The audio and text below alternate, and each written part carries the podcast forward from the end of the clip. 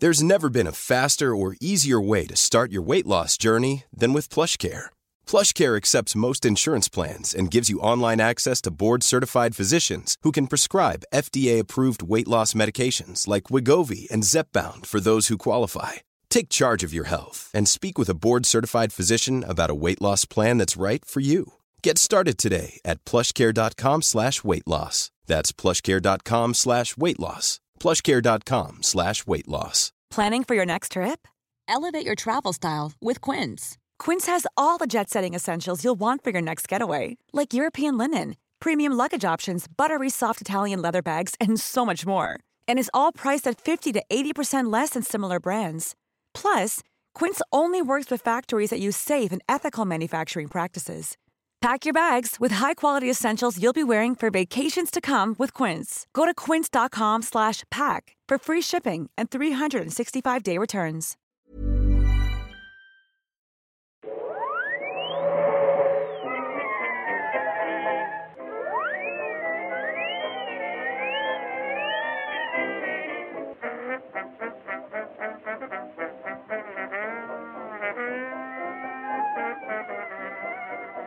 Då börjar jag bara då. Ja, precis. Norrland edition. Välkommen till Nörden och jag. Nörden och jag. Ja, jag kan... Nej men grejen är ju nu när man har varit här uppe ett tag så, du vet man anammar ju dialekten lite grann. Så man, man har varit här ett tag så man bara imiterar de andra och det kommer tillbaka så man bara, nej man börjar, man börjar anamma dialekten helt enkelt och det, det är det det är inte riktigt normalt men du vet det, det blir så där när man inte funderar så mycket. Älg. Älg. Älg. Ja, du, du, du har blivit bättre, det har, det har du blivit. Åh, tack. Tack så mycket. Tack. Nej, jag ska inte, jag ska Nej. inte ens försöka. Stockholmare som... Blir det någon sån här kolonialistisk övertramp? Blir det... Nej, jag tror inte det. Ska vi driva med fler dialekter bara för att, vi, för att jämna ut Bara det? för att vi kan och så att alla blir arga på oss. Nej, jag, Vi har jag, precis försökt flirta med Norrland, så vi kanske inte ska försöka... ja. Nej, det, det är sant. Jag kan, jag kan dock inte imitera dialekter, jag är helt värdelös på det. Uh, Kan du skånska? Ja, om du försöker. Nej, jag kan inte. Nej, sådär. Icke säger Ibland. de ju inte. Ja, jag är lite såhär... det blir lätt franskt. Ja, ja, man måste tänka lite Vem, sådär. vem, vem tänker du på nu? Vem försöker du imitera nu? Alltså? Jimmy Åkesson, sorry. Det är det jag får upp i huvudet. Var det, det är det första skåningen du kommer tänka Det är på? den första alltså? skåningen jag tänker Och det, förlåt skåningar, det är inte det. Jag associerar inte med Jimmy Åkesson, men det, det är den första som kommer upp i mitt huvud. Ja, det, det, det roligaste är att man hittar ju alltid en person som man försöker liksom koppla det till. Ja, alltså, min värmländska är ju tyvärr är ju Rolands liksom. Mm. Ja, Värmländska, ja, behöver titta på Percy tårar. Hajkbanan. Nej, jag kan... Jag kan Hajkbanan? Jag, jag, men, Hajkbanan? ja, hajkbanan. Du Eller vet, smala, smala sus. Jag har kanske förstört lite grann också. Man går så... Ja. Man överdriver så mycket när man, man pratar värmländska. Så. så jag, är, jag tycker ändå jag är okej med imitationer, men dialekter är jag helt Ja, du, är värd, du är värdelös på det, jag det är du inte. Men du är ju fantastisk på, det, på imitationer. Men alltså, i övergången mot att bara gå på svenska dialekter så funkar det ju liksom inte. Ja, det, Mm. Det är- Göteborgska kan jag inte alls. Mm, nej, nej, nej, nej, nej. Det går inte. Det går inte ens att, att försöka testa sig på. Nej, nej, nej. Gör en Göteborg nu. Nej, jag kan inte. Sä- Gör något. Gör det nu. Ja, men det blir ju Weiron-Newton. Alltså, det, det, jag, jag kan inte. Feskekyrka och... Nej, alltså, jag det- kan inte. Det är helt värdelöst. Göteborg. Nej, alltså det, det, man kan bara vissa ord som man kan trycka igenom så för att det liksom spritter den. Det är samma, lite samma på ähm, östgötska målet egentligen. För Förut när jag jobbade med Peter Morgan liksom, så gled man ju omkring och träffade väldigt mycket folk eh, i, i klubbsvängen. Och när de pratade var på eh, nu är det Köping och gå på Hugos. det var Ja, det ganska bra. roligt. Ja, just de, eh, man låter lite korkad kanske men, men Ah, ah, jag går ah, för djupt. Nej, men jag ni- går för ni- djupt. Ni är inte korkade. Nej, men jag, det är ju inte, norr, det är inte Norrköping. Det är ju långt, det är, det är någonting annat. Det är ju bara en, en hybrid av så här, stereotypa östgötska Yeah. dialekten som låter helt korkad. Det, jag, jag tror inte att det, det, är- det är ju inte en dialekt utan det är bara liksom Mm. Men Norrköping går på Hugos, det är så långt man kunde komma liksom. Ja. Nej, nej, jag kan inte. Och så Du- nor norrländskan då. Men, men det är ju men egentligen det, en du är ju halvt så att Ja, du, men det, där är du ju okej. inte Norrland. Nå, jo, det räknas inte. Det är väl Ja, precis på det, det gränsen. man räknar så. Eh, De, är- de är precis på gränsen där. Mm. Nej, jag, jag kommer precis från en sommarförkylning och det, det tillåter imitationer, ibland bra. Så en Sean Connery kan du köra ganska bra när du är så här. Ja. Operation Grand Slam. Pushy. Yes, I think my hand has a perfect place on your face. and I converted you from lesbian to heterosexual. I called it Operation Grand Slam. Sen, då går det bra. Vilken film är det? Det var, en, ja, det var inte taget från något, men det var lite Goldfinger. ja. Ja. Där är Pussy Galore med. Ja, och. Operation Grand Slam. Som du måste säga på så sätt också. Ja. Ja, jag, jag är dålig på imitationer istället. Alltså jag är överlag lite- nej det, jag kan inte det där alltså. Det är din grej. Ja, det är ju, tack gode gud, för jag kan inte dialekter. Så jag, jag skulle inte vara en bra svensk komiker liksom, som kan härma. Och, Nej, nej, nej, nej, nej. Värdelöst, skulle bli utbuad direkt och anklagad för säkert någon slags rasism. Eh, und- är det rasistiskt att, att imitera dialekter? Eh, nej, inte rasistiskt, bara väldigt... Ska Kan du imitera Stockholmsdialekt förresten? Jo, men det är lite så här, man pushar på ena. Ja, men kom igen då, vad fan. Kör, kör då. Ja, men nu, Sö- nu kör vi, hörru. Ska vi, gå, vi går på Östermalm. Nej, Öster, nej du är inte ena på Östermalm. Nej, det, det är på Södermalm. Nej, nu, gick jag fel. Farsta. Farsta. Te- Tensta. Södermalm. Tensta. inte till norrort. Ja, men jag bara tog det på ett E. Nej, men eh, eh, Östermalm är väl mer så här. Jag heter på Lidingö, inte i Lidingö. Jag är ingen mullvad. Ja, ja, ja, jo, fast Östermalm är inte Lidingö, men jag förstår vad du menar. Ja, men åt samma, inte åt samma håll. Ja, det, det- det, det- det är det jag försöker. Ja, men södern är ju, söderort är ju liksom hårt på E. Ja, där är det. Ja, Eh, absolut. rev, spanska Ja. reven rev en annan rev. Exakt. Och den har på något sätt bara utvecklats med åren och blivit mer Ja. stadgad här. För övrigt fantastisk film. Jag vet inte, du har inte sett De kallar oss mods va? Nej, jag har inte gjort det än. Alltså kallar oss mods och Ett anständigt liv är ju en, eh, ja det, det är ju en så här, det är en dokumentär egentligen men det är lite så här spelfilm, jag vet inte fan hur de egentligen gjorde. De hittade två ungdomar på gatan typ. Eh, och så bara, får vi följa er? Okej, och sen så typ är de med i alla deras situationer i livet. Så att, men någonting är ju självklart manuskript för annars hade de inte fått på dem alla de här grejerna. Men den är så jävla tung. Det är ju um, Kenta Gustafsson som också sjunger, sjunger Hammarbys den här Just idag är jag stark. Som typ så här 15-åring. Ja. Ehm, och i första filmen så är de, är de liksom, ja, men de är 15, de är mods, de glider omkring på 60-talet Ja. liksom, men bara är, liksom är coola, alla tjejer tycker att de är asheta och sen så Då ser det man- fortfarande fungerar. Ja men precis, och sen så nästa film då spelar de in tio år senare och då har ju liksom tunga heroinet kommit in och då Ja, är de exakt. liksom helt jävla borta. Det är så, det är så tragiskt. Eller en av dem är liksom. Det är, det är så jävla tragiskt. Ja. Men det är inte därför vi är här. Det är inte därför vi är här. Eh, varför vi ens kom in på dialekter är för att vi befinner oss i Söderhamn för tillfället. Ska vi Ja. säga det? Ja, det, ja. Du var väldigt Varför ska vi... Jag drack kaffe. Ah, Okej, ja, ja. Eh, nej, men vi är här just nu så vi sitter liksom i ett uthus, vilket inte är en bajamaja. Vi har redan gått igenom det här en gång. Vi har gått in och vill bara klargöra det. Eh, ett uthus.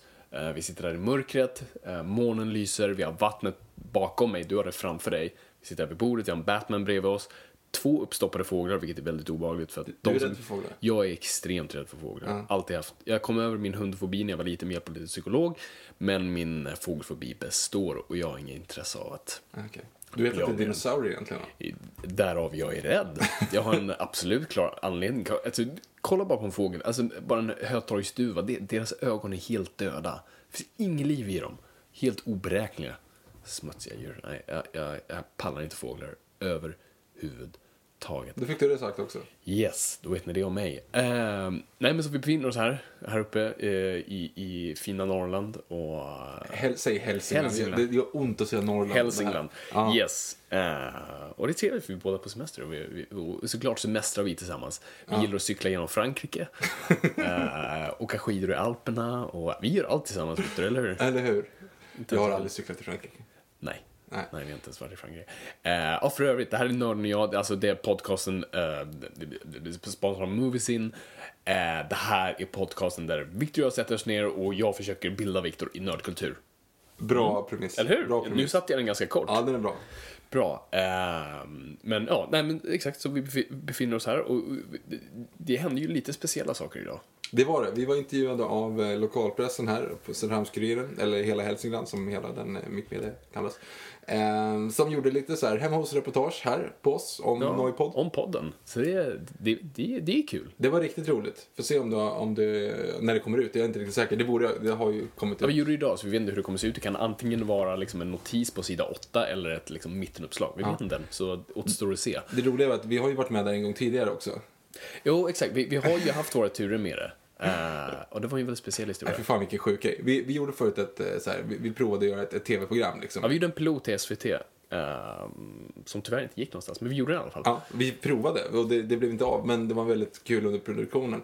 Eh, och när vi, då var vi i Bollnäs som är liksom... Grannstaden. Ja, det, är tre, ja, men det är tre mil härifrån, liksom. det är grannstaden. Så. Och så ska vi åka hem på kvällen, det var typ mitt i natten. Ja, klockan är alltså två. Ja, ja, ja, ja, ja och nu, det är mitt i natten. Skittrött. Jag sitter och kör och jag liksom känner bara så här, okej nu, det här är jobbigt liksom. Och så kommer vi ut och närmar oss sommarstugan. Så helt plötsligt bara så kommer upp en, en jag tror att det är en älg på vägen liksom. Så bara Springer, tvärnitar. ja, rakt över, den springer ju rakt över, liksom mitt framför huven. Tok tvärnitar och bara går ut och sen en liten ponny. Och du vet, alltså, Alltså, pytte, alltså shetlandsponny, alltså sån här, alltså knähöjd, äh, jättesöt.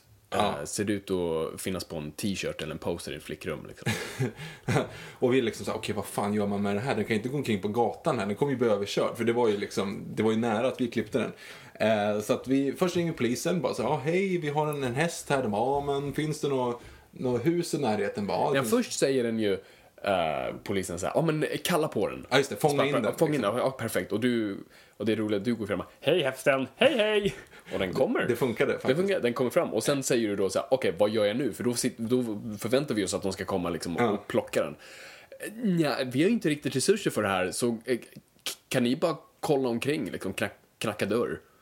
Alltså det är så sjukt. Och du, du, jag antar att du menar så här, finns det något stall? Och det fanns det ju inte. Det fanns ju hus, Ja. men det fanns ju inga stall. Så det var ju så här, det var ju vanliga enplansvillor liksom. Och Ja, folk ja. låg och Alltså, sov. Det på- inte så på- att på någon skulle ha, landsväg. Nej, ja, nej, nej. Ingen skulle ha en häst Det var ju där. det som var liksom. så chockerande. Så vi började ju liksom att faktiskt knacka dörr klockan halv tre på natten. Och jag bara älskar den bilden i mitt huvud. Tänk dig liksom, du, du, du vaknar mitt i natten, man bankar på dörren, vad fan är grejen? Eh, och så går man upp och man är lite groggy och så på dörren står det två fullvuxna män med en ponny. Och just den här, ursäkta att jag störde, men är det här din ponny? Eh, många konstiga blickar. Eh, och säkert många med bara fingret på polisnumret. Eh, det var- det såg ut som någonting ur David Lynch-film. ja, alltså jag är förvånad att vi inte blev skjutna genom dörren liksom. Ja, att man var någon som drog hagelgeväret rakt igenom liksom. Helt klart. Ja. Nej, men så vi gick ju runt typ en, en halvtimme och bara knackade dörr. Ja. Eh, och sen kom jag på, bara, just fan, det fin- jag kommer ihåg att det fanns en skylt eh, som jag alltid har sett, men som inte reflekterade över, som, som bara stod Stall Kuba. Jag vet inte om det var ett dåligt skämt.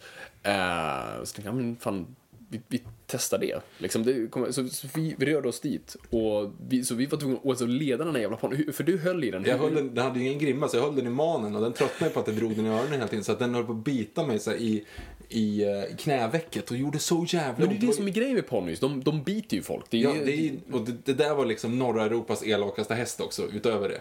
Nej, det, det var ett svin. Ett svin var det, Ja. fast en häst. Så vi går längs den här vägen, och det är en kringelkrokig lång väg till den här stall Kuba också. Det tar liksom fett lång tid och det är kolsvart. Och så kommer vi fram till något som ser ut att vara en slags gård. Men det roliga där, Mm. alltså det är ju att vi vet ju inte om, om personen är hemma eller vet inte vem som bor där, vi vet Nej, inte om det är deras häst. Vi vet Så inte att- alltså, om Norman Bates bor där. Absolut ingen aning. Och det var där också, det var där dörren var liksom öppen. Så man så här knackar på och så var det så här, det var en ytterdörr som var en liten tambur. Så ah, fan vi öppnar den här och så går vi in till nästa som kanske hör om det är någon som är hemma. Mm. Knackar på den och den är öppen liksom. Alltså, vi står liksom inne hos någon som ligger och sover. Klockan halv tre. Klockan halv tre, man känns Med en bara, oj. ponny ja, i ja, handen. Det är lite det som, hade vi inte haft ponnyn hade det varit konstigt självklart. Men det är anledningen till att vara där. Sen kommer hon ut där och hon säger att ah, det där kanske, jag vet inte Ja, det är det. Vi min." frågar, är det här er ponny? Hon säger, eh, vet inte. Bara, hur vet du om det här inte är din ponny? Hur många ponnys kan du ha och hur ser det i så fall att det här inte är din? Ah, jag, jag är osäker. Eh, låt mig ringa mitt barnbarn. Och så ska hon ringa sitt barnbarn. Eh, och säga, ah, han, han, han ska bara gå upp och köra hit. Jaha, uh, okej. Och samtidigt står jag, när du står och pratar med henne där, och jag får gå i cirklar för att ponnyhelvetet håller på att bita mig hela tiden så jag är tvungen liksom att dra den så här i vänster örat hela tiden. Det ser ut som någonting från Skansen där man sätter barn på, på hästen liksom, och de får gå runt. Så det var lite så Victor gjorde. Ehm, och jag försöker bara hålla konversationen med den här tanten som är, inte ens förstår vad som halvt händer. Konstigt att man väckt mitt i natten där och frågar om den Hel, precis, kolsvart också. Och så efter ett litet tag så kommer den här barnbarnet i en bil. Och han säger också, äh, Nej men han säger väl nej till och med? Jo, så här- eller hur? Han säger nej, Det där är inte våran. Det är inte vår Men okej, kan- ni har ändå, ni har ändå liksom Nedstall. boxar här. Kan vi inte få ställa den här? Vi kan inte ta ut, vi kan inte ta med oss den liksom. vi har inte plats i bilen. Ja. Eh, för mycket grejer. Så de säger, okej, ja, men vi tar, för de hade ju tomma stall liksom. Eh, och så tog de den och så, och så fick vi åka hem. Eh, och sen stod det ju, och sen var det ju, ja, hur var det, men Söderhamn, sen så stod det ju i, eh, i lokalpressen så här, tre, fyra dagar senare. Då intervjuade de någon som inte, hon, den personen var inte ens där när vi kom med hästen. Nej. Och sa ja, smörblomma eller något sånt där. Nej, den hette, den hette Lingon.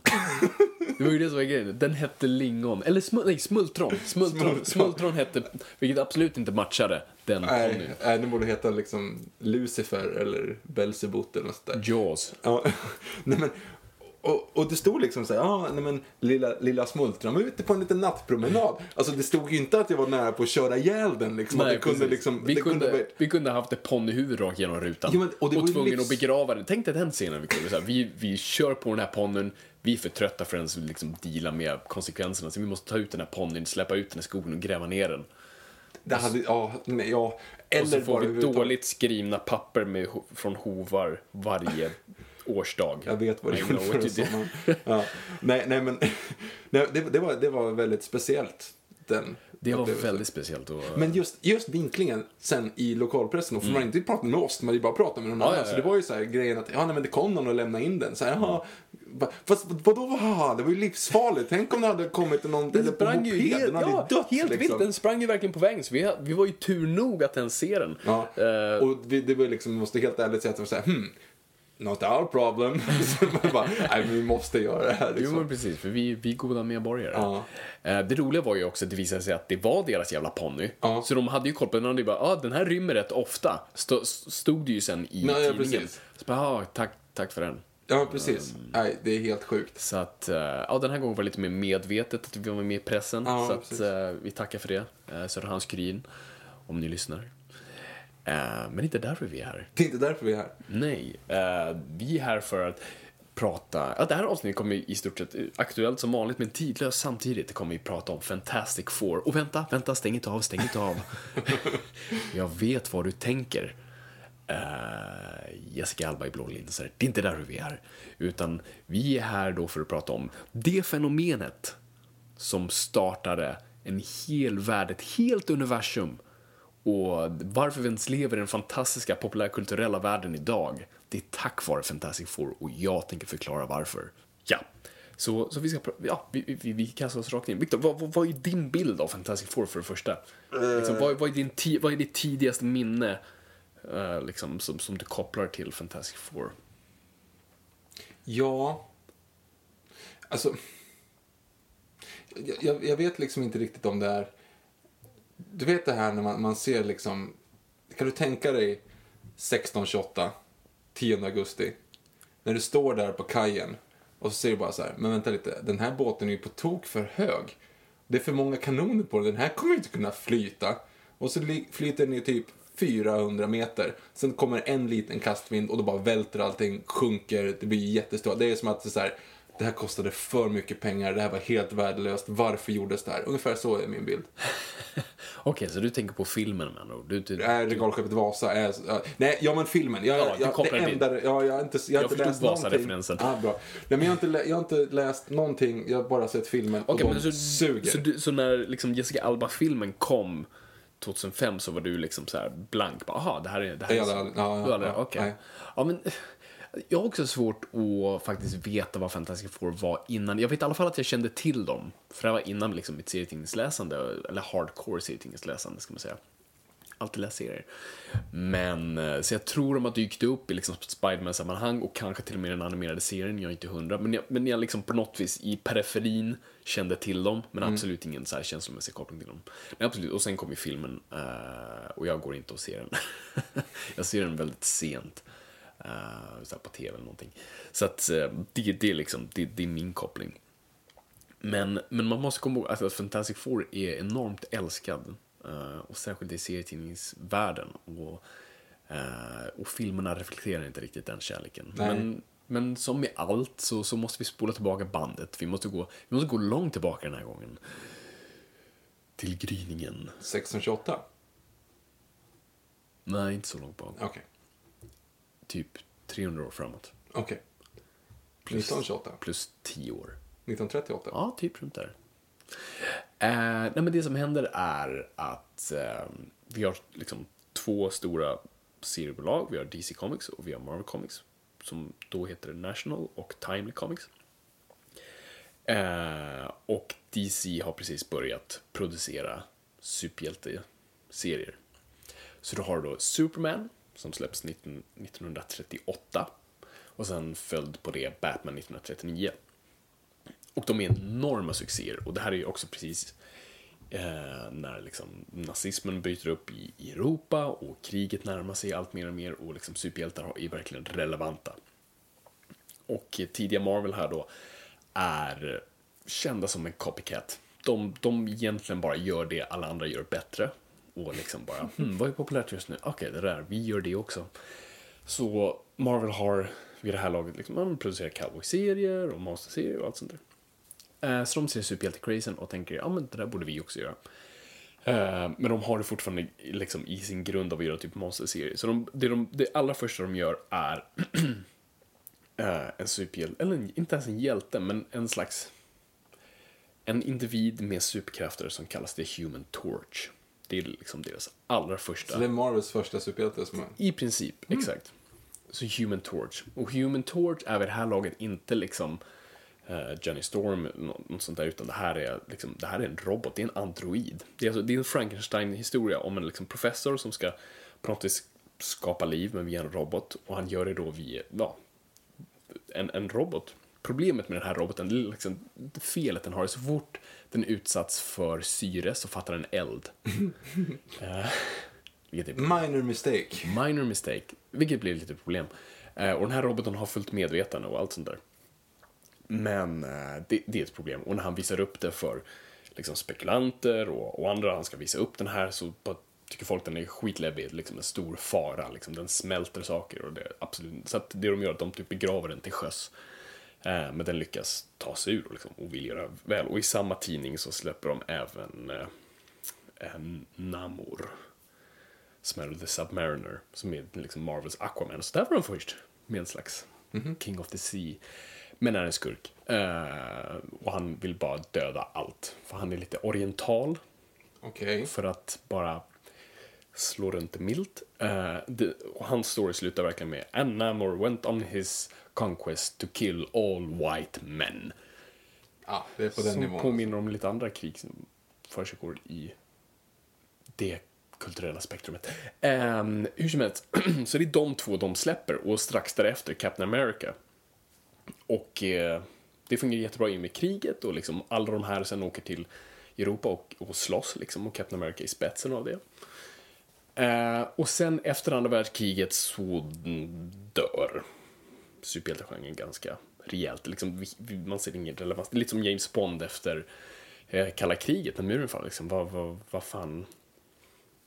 Varför ska vi ens ha honom? Det var ju den krisen som James Bond gick igenom liksom, precis innan Goldeneye. Bara, okej, okay, nu har muren fallit och det finns inget stort hot längre, så varför finns ens... Varför ska Bond finnas? Och samma sak gick superhjälte-genren igenom. Men eh, DC klarade sig nätt och jämnt. De försökte lite andra grejer. Och samma sak med Marvel de försökte liksom placera Captain America i typ spökslott och grejer och det, ja, det gick sig sådär. Så de begravde egentligen ganska mycket sin superhjältegenre och bara gick på det de gjorde bäst, vilket var bara kopior. Så de gjorde mycket sådär, monstertidningar, skräcktidningar, cowboytidningar, allt sånt där. Och det är även där Stan Lee kommer in. Strax, eh, ja precis strax efter kriget någon gång. Eller innan kriget till och med. Han var, han var i alla fall över i Europa och slogs. Um, och Stan Lee skriver alla de här grejerna och bara gör det liksom, Marvel vill att de gör. Och sen, måste vi, och sen spolar vi fram några år till. Typ fram på ja, 60-talet. 1961. För då sägs legenden, det här har varit lite diskussioner runt om det är sant eller inte. Men vad som händer är då, enligt legenden, att eh, Marvels VD och DCs VD är ute och spelar golf. Uh, och Marvel frågar, ja men du, vad, vad händer där borta? Liksom, vad, vad, säljer ni bäst av? Jo, men vi har släppt den här, vi har släppt en liten bok som vi kallar Justice League of America och den, den säljer väldigt bra. Så, okay, vad, vad, vad, går den ut på? Nej, men vi, har, vi satte alla våra hjältar och, bara, och gjorde ett team. Okej, okay, nice, nice, nice. Ursäkta mig. uh, och, och det är det jag säga, och det diskuteras en hel del. Men kontentan av det hela var i alla fall att Justice League of America sålde väldigt, väldigt bra. Och Marvel som gillar att göra saker som andra gjorde bättre tänkte hmm, det här kanske vi ska göra. Och samtidigt har vi Stan Lee som egentligen bara hatar sitt jobb han har för att skriva de här jävla cowboysen och monstren och bara är helt jävla trött på det. Och eh, är så jävla nära på att liksom säga upp sig. Uh, men så kommer de en dag till honom och säger men hör du Stan, kan, kan vi, vi vill jättegärna se ett team med superhjältar igen. Eller superhjältar igen, kan, kan du sätta ihop ett team? Mm okej. Okay. Och då går han ihop med sin illustratör Jack Kirby. Och här är också lite diskussion om vem som gjorde vad och det vet vi faktiskt inte riktigt men de på ett eller annat vis skapar då The Fantastic Four. Mm. Och då tar de ju komponenter från tidigare, så Human Torch tar de inte, inte samma karaktär. Eh, och det belyser de i senare nummer att det finns två olika Human Torches. Okay. Uh, och de sätter ihop det här teamet då. Som är då Mr. Fantastic, Human Torch, Invisible Woman och The Thing. Uh, och de släpper det här första numret, som är Fantastic Four nummer ett. Jätteikonisk framsida med Jack Kirby och Stan Lee. Och det blir en enorm succé. Verkligen liksom slår en eh, ackord direkt. Och folk verkligen älskar och skriver in och sånt där. Och det är liksom, där är det. Det blir en mm. jättestor hit. Och Marvel på något vis, här föds serietidningsgenren på ett nytt... Man brukar dela in serietidning serietidningsåldrarna i olika liksom, ja, åldrar kan man säga. Det finns mm. det Golden Age, Silver Age, Bronze Age, Modern Age och så vidare. Okay. Så man, och det är också en massa diskussioner och teorier om så här, när slutade The Golden Age? DC har till exempel så att The Golden Age är till och med ett eget universum och Silver Age är ett eget universum. Alltså man har liksom delat in epokerna i liksom sitt eget universum för det fanns en annan Flash och sånt där, annan mm -hmm. Green Lantern under Golden Age och sen Silver Age. Så det är massa diskussioner om vad som faktiskt kickade igång The Silver Age, vad övergången är. Alltså, en populär liksom eh, teori eller åsikt är att det är liksom Fantastic Four nummer ett, bara sätter spiken i kistan med Golden Age och Silver Age tar över.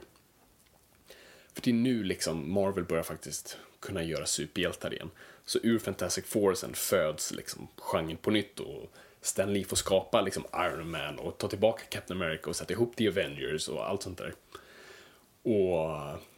Så reaktionen på Justice League var inte Avengers utan reaktionen på Justice League var egentligen Fantastic Four? Fantastic Four, precis. Ja. Uh, och, det, och, det som var, och det är här Stan Lee verkligen fick skina på något vis och, och framförallt Jack Kirby, jag kommer in på det men vad Stan Lee var så bra på uh, och det som DC var ganska dålig på var att sätta personlighet på, på hjältarna. Han kunde liksom ha väldigt tydliga personligheter och sätta då väldigt tydliga problem och motgångar. Och framförallt ha en dynamik i team, att de liksom inte alltid kom överens. Och, för i DC var det väldigt mycket just det här liksom, Superman och Batman, ah, nu går vi och gör det här, hej, ciao ciao, och nu gör vi det här, dada, vänner, Superfriends, det är där det kommer ifrån, liksom. Mm. de kallas för Superfriends. Uh, och så var det inte riktigt Marvel. Där bråkade man och där kom man inte alltid överens. Liksom, satte man alla de här personligheterna i ett rum så kom man inte alltid fram till det bästa resultatet. Och det verkligen kopplade med publiken på den tiden. För nu var, liksom, var 60-talet här, nu var det en helt annan publik som tog över. För du måste komma ihåg att liksom, serietidningar föddes på 30-talet. Det är liksom nästan 30 år sedan. Mm. Förstå, alltså de är ju vuxna nu, så nu är det en helt annan generation av barn som kommer här. Och det som också var så fantastiskt med Fantastic Four var att de kunde verkligen fånga den här sci-fi crazen som var för Fantastic Four rör sig på väldigt kosmisk nivå och parallellt universum nivå. Mm -hmm. Och kan vara på rymden men samtidigt Manhattan och kunna liksom ha Silver Surfer, men samtidigt Dr. Doom i Latveria och allt sånt där. Ehm, och DC kunde inte riktigt göra det, för att de försökte att sätta Batman i en raket och slåss mot rymdmonster, bara fungerade inte riktigt. Och fine, du kunde göra det lite mer liksom Superman, men det... mm, Du ville helst ha honom på jorden liksom flirta med Lois Lane, inte så mycket mer. DC gör det sen bättre. När de kliver in i Silver Age så gör de om sin... Eh, tack vare Julie Swar- Schwartz som var en eh, redaktör då som de tog in och han förnyade The Flash som hade varit död ett tag och gjorde då Barry Allen Flash och sen Green- Green Lantern som egentligen var en trollkarl förut men gjorde honom till en kosmisk figur. Och därav kunde de liksom vara bättre. Så där fångar DC i det hela med liksom typ vetenskapen. Men det var det Marvel gjorde först. Eh, och det är där liksom bara allting föds ur det och bara bubblar upp och det är verkligen bara Fantastic Four bara fångar allt och är så populär. Och bara, alltså, det är verkligen en serie som på något sätt rätt tid på rätt plats. Och sen har vi Jack Kirby. Och Jack Kirby tror jag nämnt säkert förut. Liksom som är bara kolla på hans illustrationer, bara googla Jack Kirby. Han är en av liksom de stora, han är den som skapar Captain America. Och sen är med i Marvel och liksom bara skapar de här grejerna med Stan Lee. Och han är egentligen den liksom autören i det hela. För att Marvel använder sig av vad man kallar Marvel Method. Och det har jag nämnt förut, men jag tar det igen. Marvel Method är i stort Stan Lee som, som sitter på en stol och säger mm. Well Jack, I want a story where, well let's see. I want a story when the Fantastic Four meets Doctor Doom. Can you do that? Och så går Jack Kirby och gör den storyn. Han kommer i stort sett på alla komponenter och ritar den. Och sen går Stan Lee in efteråt och gör pratbubblorna, Excelsior, och gör liksom all, alla bitar. Och det är inte för att ta någonting från Stan Lee, men Stan Lee har ibland lite fått för mycket cred, särskilt när det kommer till liksom Spider-Man och Fantastic Four och mycket annat. För man glömmer lätt Steve Ditko på typ Spider-Man-sidan och Jack Kirby på typ allt annat. Vad hette han som skapade Batman? Hette inte han också? Något liknande. Ja, ja, det är också, vi ska prata om det i ett framtida batman men på papper är Bob Kane. Okej. Och fine, han kommer på Batman. Eh, men det är egentligen Bill Finger som Ja, det, så så, ja. kommer på hela. Liksom. Tänkte att det var en okej. Ah, nej. Och Bill Finger var liksom han som, alltså på andra sidan, han var den som skrev som han ritade. Jack Kirby var den som ritade. Och Jack Kirby var ett monster. Eh, och liksom, han är så mystisk på ett sätt, vi vet så lite om honom. Eh, men samtidigt, alltså man brukar säga att en illustratör brukar kunna ungefär rita en sida om dagen. Det är ungefär vad man klarar. Jack, Kirby, Jack Kirby kunde nästan rita en, liksom en hel, helt nummer på en dag och liksom flera sidor och kunde göra flera olika titlar samtidigt.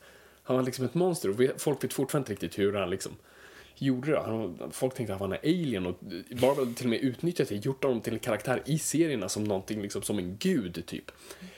uh, och kollar man på hans illustrationer, liksom, jag tror, alltså för det nakna ögat så ser det ut som, ja, det var så ritades då, men om man bara kollar på liksom hur han faktiskt, alltså hur detaljrikt det var och hur liksom djupet i hans bilder och han hade liksom till och med ett koncept har döpts från som man kallar Kirby Dots när han gjorde energi. För hur ritar man energi? Mm. Har du sett i serien när det är såna här svarta prickar? Typ Nej. som i Ultrons mun så är det så svarta prickar till exempel. för att som det ska visa typ att det är lite radioaktivt och lite sådär. Kanske. Kanske. Ja, det är det man kallar för Kirby Dots. Okej. Och liksom, han kom på det och, och jag förstår det när jag tittar på det. Liksom, Okej, det där ser ut att vara energi. Energi ser inte ut så. Men jag, jag på något vis, det är det jag tänker när jag ser.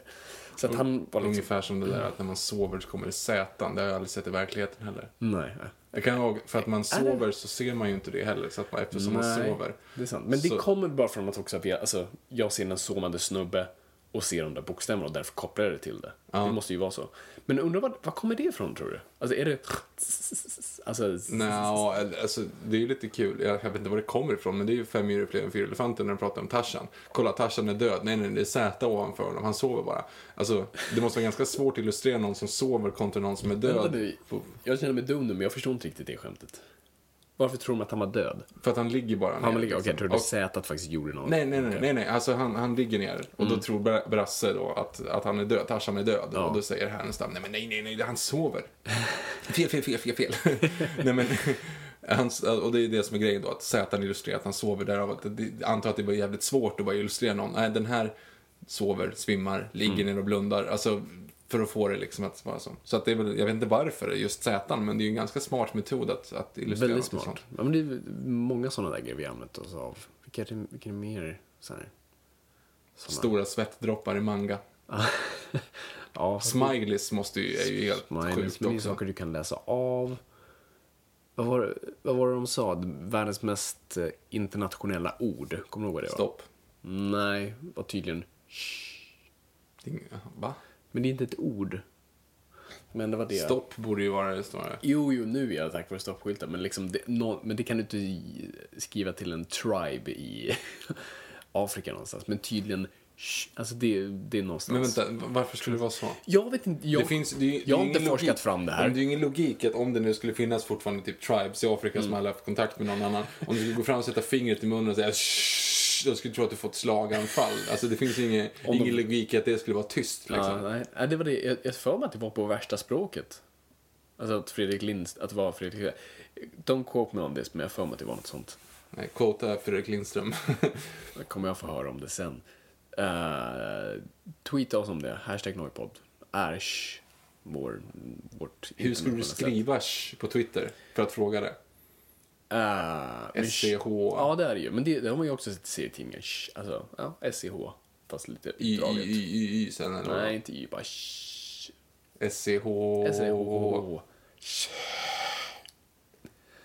Ja, Blir det kanske då. Men det- Hur som helst, Fantastic Four. Fantastic Four. Nej, men så Jack Kirby, man måste verkligen komma ihåg eh, vad han har gjort för serievärlden, uh, vilket är i stort sett allt. Och han gick sen över till DC och liksom byggde ut deras universum på ett annat sätt. Nej, men så Fantastic Four liksom bara frodas och är liksom ett cornerstone av Marvel. Och sen börjar Marvel utveckla liksom sina hjältar och, och vi får Avengers och vi får allting som vi, vi känner till idag. Eh, och sen vill jag också bara tillägga i, i vad som är fantastisk, bra med Fantastic Four är deras huvudskurk, Dr. Doom. Okej. Är en väldigt fascinerande karaktär. Varför det? Och det är också det. Han är ingen bra i filmerna. Nej, han är inte bra i filmen. Men det, är, det är som Lex Luthor, han är inte heller bra i filmen, men han är så fantastisk. De, de är väldigt, det är lite så här Marvels Lex, Lex Luthor, för det är en väldigt makt, maktfull person som uh, med enorm hybris. Nej men Dr. Doom är liksom som, av ni, ni som har sett filmen, eller bara säga, det, det är snubben i en plåtmask och liksom grön morgonrock, med huva liksom. Eh, och han är då liksom härskaren över Latveria, vilket är ett fiktionellt land i Europa. Det ska typ vara Rumänien. Okej. Bara att, jag vet inte varför. Ja, men det är lite som eh, Black Panther som, som liksom har sitt fiktiva Afrikanland. Eh, Marvel gillar inte verkligheten antagligen. Ska, ska jag, DC hade Metropolis och Gotham, jag ska inte säga någonting. Eh, nej, men, så han är presidenten där liksom och kommer därifrån. Och han har den här järnmasken på sig. Men det är, det är en person som på något vis, ah, hur ska jag, alltså det, det är en person vad jag gillar med, med honom och Lex Luthor är det är en av de få skurkar med enorm hybris och vad ska jag säga eh, jag höll på att säga schizofren men det är inte alls det. Åh, nu tappar jag ordet. Vad, vad heter det när man är kär i sig själv? Uh, Självgod. ja, självgod, men ett specifikt ord man har. Eh, han som kollar sig själv i spegelbilden och drunknar. Va? Har du inte hört den? Det är döpt efter det.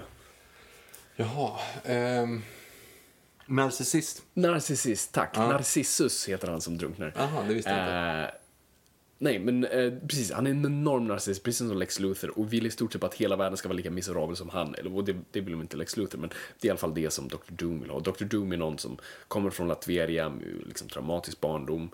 Eh, mamma som dör i cancer och sådär. Och sen åker han till USA och han är liksom klasskamrat med eh, med Mr. Fantastic och, och sen ska han bygga en maskin för att kunna kommunicera med de döda. Eh, och det ska de inte göra. Och i den här ma- maskinen förstörs och han blir mm, disformerad, vad fan heter det? Deformerad. Deformerad. Går bra med poddminnet nu. Yeah.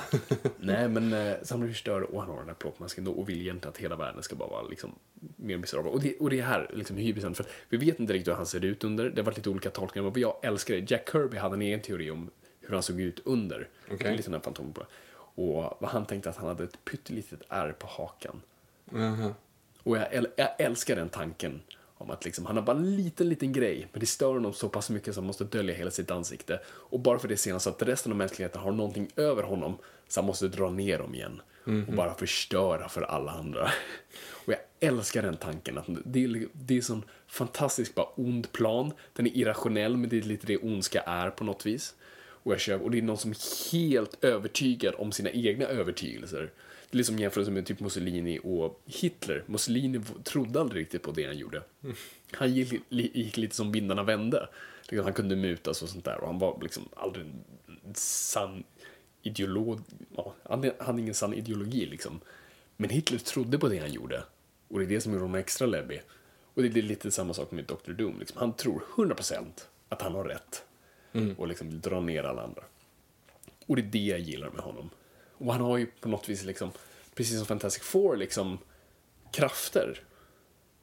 Men på något vis att de inte får existera. Jag älskar det. Och han håller ju på lite mer med magi och, eh, och liksom, men är samtidigt ett enormt geni så han mixar typ magi med teknik. Så lite med teknikrädslan på 60-talet tar in den grejen att magi och teknik är ganska länkade.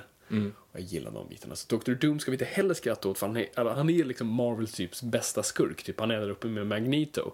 Jag får mig att IGN gjorde en sån här topp 100 liksom bästa skurkarna i serietidningen någonsin. Jag får mig att Topp 100. Topp 100. Vilken var på 98 plats?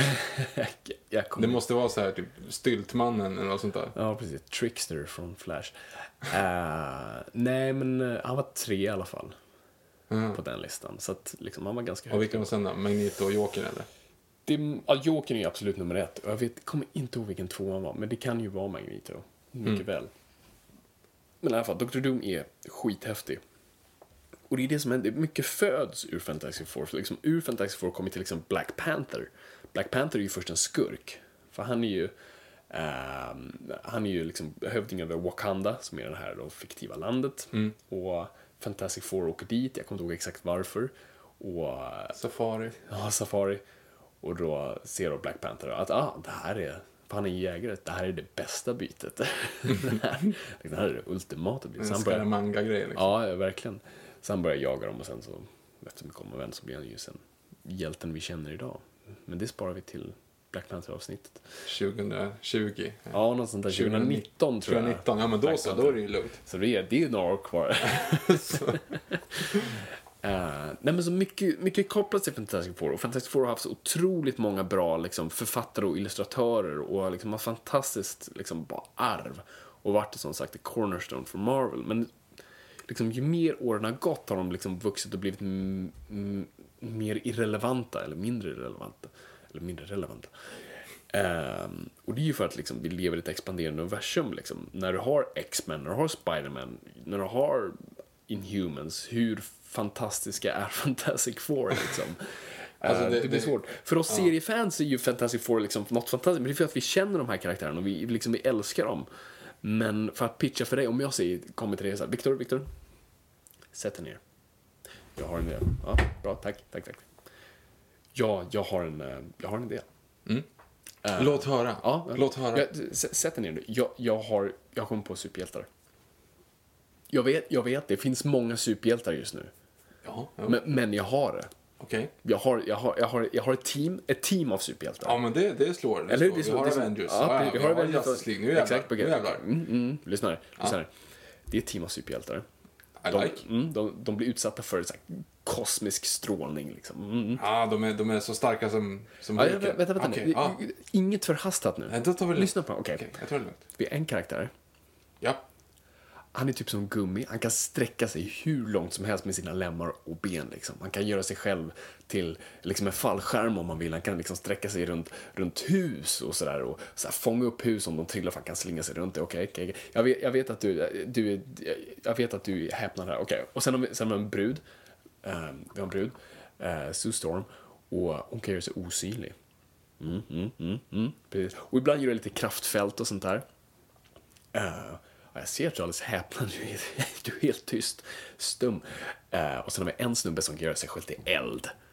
Och han kan, han kan flyga lite så. Och sen bäst, bäst, bäst, bäst, bäst, bäst. Sen har vi en snubbe. Han är typiskt sten, men ändå inte, lite så här gul. Han är bara hård och väldigt stark. Ja, du, du pratar nu. Jag, jag vill höra. Eh, ursäkta, skulle du kunna eskortera herr Nordander ut härifrån, tack? Ja, tack. Ja, gärna våld. Gärna med våld, tack. Eh, Du ser väldigt stor... Vad är... Hej! Nej, men En faktiskt. scene. Nej, men alltså, jag måste ju säga att det är ju extremt ofantastiskt. Jo, men det blir ju det. I kontexten av allting annat. Det, det är ju liksom Human Torch, ja han kan flyga som Superman. eh, ja. Och Sue Storm kan bli osynlig, och det spelar väl ingen roll liksom. Nej, precis. Det, och, han, han, och The Thing, han är stark. Som Hulken? Nej, inte så stark. Och Mr Fantastic, han som ska vara den mest fantastiska av allihop. Mm. Han kan göra sig själv till en fallskärm. Okej. Alltså, det, det, det, tror jag sagt det tidigare i den här eh, podden. Mm-hmm. Men, men det måste ju ändå vara det. Alltså, det namnet på en person som är minst passande av alla namn i hela superhjältevärlden, det måste vara Mr Fantastic. För att han är inte fantastisk överhuvudtaget. Nej, det är, väl, det är ju lite skämtet liksom.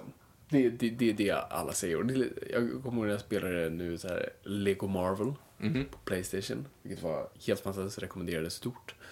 Ehm, så var, ja, Mr Fantastic var sämst. Han kunde gå lite längre än alla andra och sen då göra sig till liksom fallskärm och bara mm, flyga ner som ett papper. Eh, och inte så mycket mer än det. Och det var ganska synd. Nej, men så att, alltså, och det jag säger nu, jag menar inte att tala ner Fantastic Four, jag bara menar att liksom Men de var först. Det har De liksom utvecklats mer. Precis, och det, och det är egentligen ett dåligt argument, de var först. Och det kan man ju säga med det mesta. Men, och det kan man säga om Superman och allt sånt där. Men jag är väldigt kär i dem. Men, nu- men nu är de irrelevanta. Nu, precis nu när vi pratar så lägger Marvel ner tidningen. Gör de? Mhm. Kommer inte skriva något mer? Klart de kommer, men de lägger ner det. Och det är ju frågan på varför. Jag, tror, alltså, jag har inte sett Fantastic Four alltså, det, alltså på, på en topplista på även hur, alltså, jag, Nej, jag har aldrig gjort det. alltså hur, hur de säljer liksom. Så de säljer inte särskilt bra. Eh, filmen kommer ut nu från Fox. Och det tror inte jag Marvel gillar. Så jag tror de försöker typ, för det, det mest egentligen smarta av Marvel ju egentligen bara släppa, nu släpper vi ett jättestort Fantastic Four, för nu kommer filmen. Men det gör de inte, de tar ner den istället. Så frågan är vad som Ja, de försöker slå ut filmen. Ja. Ja, eller bara distansera sig från den. Mm. Och, eller, det här är mina spekulationer. Nej men så, ja, nej men så de, de, de bara se- har inte sålt liksom skitbra på länge och liksom i den kulturella statusen så, så, så liksom. Är det fortfarande Jessica Alba i blå linser liksom? Precis, ska vi, ska vi komma in på filmerna Jag tror lite? vi kommer in på Vi filmerna. kommer in på filmerna. Nej men så, du tänker ju liksom, ja, Jessica Alba, men, men det var inte det första försöket. Okej. Det finns mer. Mm. Eh, alltså Fantastic Four, eftersom det var så populärt som det var, det har funnits i tecknat, så Hanna-Barbera har gjort liksom serier och sånt där och, och liksom Fantastic Four har dykt upp lite överallt. Men det som är mest, liksom, den, den mest intressanta storyn är då det liksom, i början på 80-talet ska göras en film om Fantastic Four. Så en producent som heter, typ, vad heter han? Eichinger. Eichinger går till Marvel och Stanley och säger att han vill köpa rättigheterna till att göra en film av eh, Fantastic Four. Och någon säger fine, skitkul, gör det.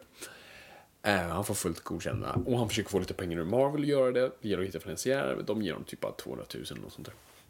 Sen går det till olika studios som Warner Brothers och sånt där. Och det är typ lite intresse, men nej, inte stort. Så att det händer inte så mycket där. Sen har svårt att få ihop pengar. Så att plan B, eller plan Ö, är väl att det går till Roger Corman. Roger Corman har jag nämnt några gånger här, för jag tycker han är så ball. Men än en gång, det var eh, B-filmsproducenten vars koncept var i stort sett bara hitta liksom, nästa Fellini, nästa Bergman, men låta honom göra liksom Sexy Horror Stripper Dinosaurs 5. Now with Piranhas. Ehm, och liksom göra bild, liksom, låsa in sin manusfattare och låta honom skriva klart manuset på tre dagar. Liksom det, var, det var tio sidor innan lunch, tio sidor efter lunch. Eh, och det var liksom det som var konceptet och sen göra filmen väldigt snabbt och hitta sin skådis perfekt och rehab för han tar inte så mycket pengar.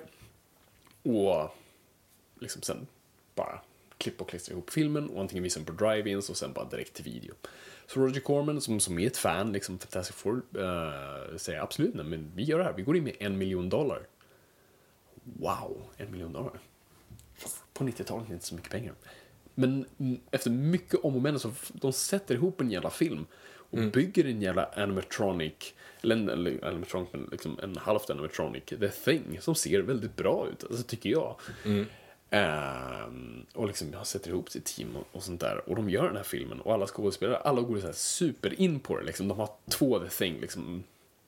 Han som då in, spelar själva dockan. eh, och han som inte gör det. Och de liksom jobbar på liksom rörelserna, hur man ska, man ska se att det är samma karaktär. Och alltså, folk går verkligen in för det här. Och sen när filmen är klar och de liksom går ut med premiärdatum och liksom hintar på Comic Cons och sånt där. Men så helt plötsligt säger Eichinger bara Njapp, jag tänker inte släppa den här. Det var aldrig tänkt att släppas. Fattar ni inte det? Eh, och det här är lite frågetecken runt just vad som exakt hände. Men han sa bara nope. Det här var bara tanken för det här var så att jag kunde låsa rättigheterna för att göra en bättre film sen. Aha. Okej. Och det var det som hände och filmen bara lades, den sjönk, den- ingenting hände med den. Och sen började den cirkulera liksom, på Comic Con, sådär bootleg-filmer som folk köpte, så den fick sån här kultur, kultstatus. Och nu är den törn, jag vet inte om den har släppts än eller om den precis är på väg att släppas, men det kommer nu en dokumentärfilm som heter Doomed, eh, som just handlar om den här eh, produktionen och filmen. Och jag skulle, ja, jag vill jättegärna se den. Och jag rekommenderar troligtvis ni som är intresserade av att veta mer att faktiskt gå och se den Ska den vara bra då? Filmen. Ja. Ehm, jag, alltså jag tror de själva tyckte det någonstans. Men jag vet, alltså det är en Roger Corman-film, man vet aldrig riktigt vad man får. Och det är en miljon budget. Så att, jag, jag vet faktiskt inte. Men ehm, jag skulle absolut vilja se den. Och jag tycker den förtjänar att, att få visas. Eh, nej, men så det, det är skithäftigt. Så att, och sen pratas det mer och mer om så här, Chris Columbus ska göra en film och sånt där. Och sen tar det inte förrän 2005 då de faktiskt gör sen då Fantastic Four som vi känner till idag. Och, ja, och här, kommer ju du lite in i, i bilden. Jag Ja, mycket. och det är första gången jag ser liksom... Jag, jag ser den ju, jag, jag kommer inte ihåg om jag ser den på bio eller inte, jag, men jag ser den liksom relativt tidigt då i alla fall. Och, jag liksom fattar inte alls, för jag inser liksom, nu är vi sen 15 när den släpptes, men det, det, jag tyckte det var så jävla dåligt. Ja, nej men, Och de hade världens läge, alltså, de hade världens läge egentligen, för det släpptes samma år som Dark Knight.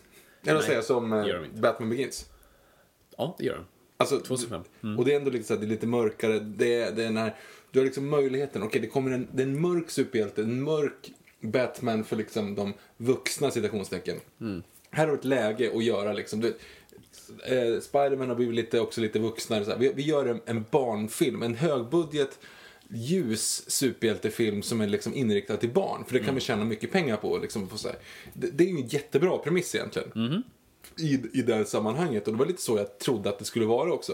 Sen kollade vi om dem nu här nyligen bara för att liksom ska... Men det är så jäkla dåligt. Ja, det är det fan. Det, Alltså, det, är det- ändå, det är en budget på, den första en budget på 100 miljoner. Så det är, liksom, det är en högbudgetfilm och det är precis under liksom, liksom den, vad kan man kalla typ den andra eller den tredje så här, superhjälteboomen, Spiderman-filmen har slagit hårt. Liksom 2002 och sen 2004-2005 kommer Spiderman 2, så det är liksom riktigt liksom högt igen. Och så ska Marvel liksom, det här är deras andra stora franchise de tänker på. Du, har, du har Kevin Feige som producent på den här och Stan Lee. Så många står bakom den här filmen och så blir det bara pannkaka. Ja, det är så, men det är så tråkigt. Det är det som är problemet.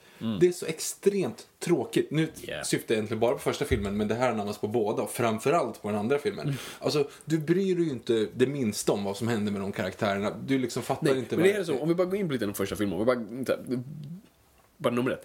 De vill inte ha en första akt. Nej, nej, nej. Och för er som lyssnar på förra avsnittet så vet ni typ nu vad jag menar med en första akt. Men alltså, karaktärerna får ingen introduktion alls. Den börjar typ med Vi ska åka upp i rymden, hej hej! Ja, nej, ja, ja. De, de spare no expense på de grejerna. Det smäller ju direkt. Alltså de ska verkligen Tio upp minuter in. Ja. Så, så bara, de bara kastar allt som kallas karaktär, bara med enkla, simpla liksom. Han är rolig, han är lite butter, han är smart, hon är lite bitter. Alltså, Ja, fast bitter. Hon har...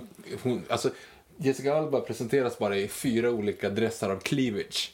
Alltså det är det, är det enda sättet hon presenteras. och blå linser. Och blå, lin, ja, blå linser. Men det, det, är så jäkla, det är så jäkla fult. Nej, det, ja, trött. Ja, men absolut. Och sen så kommer den här smällen, liksom Cosmic Rays. Och de får sina krafter och det är liksom... Det är inte bra. Hur det, hur det visas. liksom Johnny Storm liksom åker snowboard och blir lite varm. Eh, så det smälter i, i snön. Och, nej. och Miss Fantastic bara böjer sig. Och sen såklart Jessica Alba. Hur många gånger klär hon av sig? Äh, Visst var det tre gånger i första filmen? minst tre gånger. Det- det- Så är skämtet Oh no, I'm naked again. Ja, hon klär av sig, hon är inte osynlig i vanliga kläder så att säga. Så hon klär av sig för att, ja, för att, för att vara osynlig. Och sen så råkar det bli någonting så att hon helt plötsligt syns igen. Och då så är hon naken. Haha! Och det här liksom, den här filmen vill ha typ ha kakan och äta den också. För den vill på något vis vara en barnfilm, vilket är så här, kul, gör den för barnen. Men samtidigt med de här liksom vuxna skämten och så här mycket sexanspelningar och sånt där. Och bara, men försöker samtidigt vara lite mörk med Dr. Doom. Och Dr. Doom, alltså mycket är ganska likt serietidningar, likt, alltså det, den, den hittar tillbaka och tar mycket därifrån. Men Dr. Doom har de ändrat totalt. Men, men de, de vet inte riktigt vad de vill vara för någonting. Ska det vara Spider-Man med lite djup eller ska det vara roliga? Ska vi, alltså den, den bara fattar inte alls vad, vad den gör överhuvudtaget. Och det- och- Okej, ge mig den här då. Vad handlar den om? Vad handlar, vi, vi såg den igår. Vad handlar filmen om? Eh, alltså, helt ärligt. Det, det här är liksom inte för att vara så här shows. Jag, jag vet inte. Vad, vad, ja, de åker upp i rymden, de får superkrafter. Och en av dem får superkrafter som, och den utnyttjar det för att vara taskig, alltså Dr. Doom då.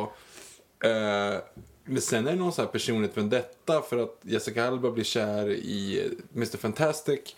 Så att han vill typ hämnas på honom, eller?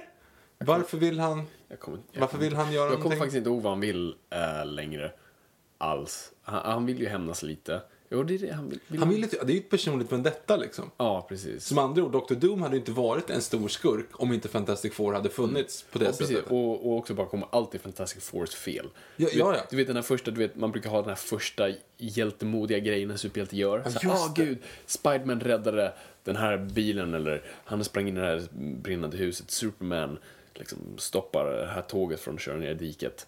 Fantastic Four sabbar en hel bro och sen måste städa upp efter sig. Alltså för er som inte har sett den nyligen. Första grejen går ut så här. Eh, The Thing är ledsen.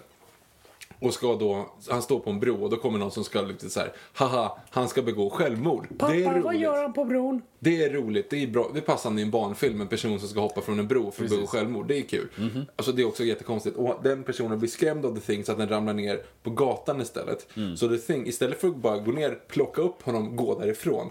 Mm. Så ställer han sig framför en lastbil och stoppar en lastbil med sin kropp. Mm. Så att det blir värsta så här, seriekrocken. Det är miljarders bilar som bara välts om och börjar brinna och exploderar. trucken har ju såklart gasoltuber. Ja, oh ja, ja, ja, oh ja, oh ja, och det bara exploderar och människor flyger åt alla håll. Och de, här, alltså, de som satt i de bilarna som välter där och landar, de är döda. Mm. Jättedöda. De, de är jättedöda. Alltså, totalt. Alltså, och han som satt i lastbilen som krockade i The Thing, han måste ha liksom, han är helt förlamad resten av sitt liv. Absolut. Alltså den smällen och så här, de bär ut honom sen vilket är så här, han bara åh, lite omskakad. Skitsamma, alla bara dör Mhm. som är med i den kraschen. Och sen så kommer polisen typ skjuter på dem. Mm. Och så kommer en, en eh, en brandbil som får sladd. Mm. Och liksom på grund av att alla explosioner och sånt. Så att den är på väg att ramla ner i vattnet. Men Fantastic Four då hjälper och bär tillbaka last, eller brandbilen och alla börjar applådera. Va? Mhm. Eh, va? Det var ju du som orsakade hela den här branden. Det var du som Precis. förstörde mil miljarder dollar i damage på den här på, av skattemedel.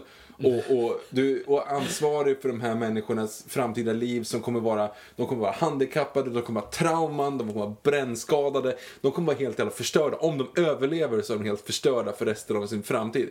Och varför applåderar de när du drar tillbaka en brandbil? Ja, ja, Ja, det- det- och, och jag gillar också just Ja. det här. Det här är 2005, speciellt 2005. Det här är liksom post 9-11 New York. Liksom. Såret är fortfarande ömt.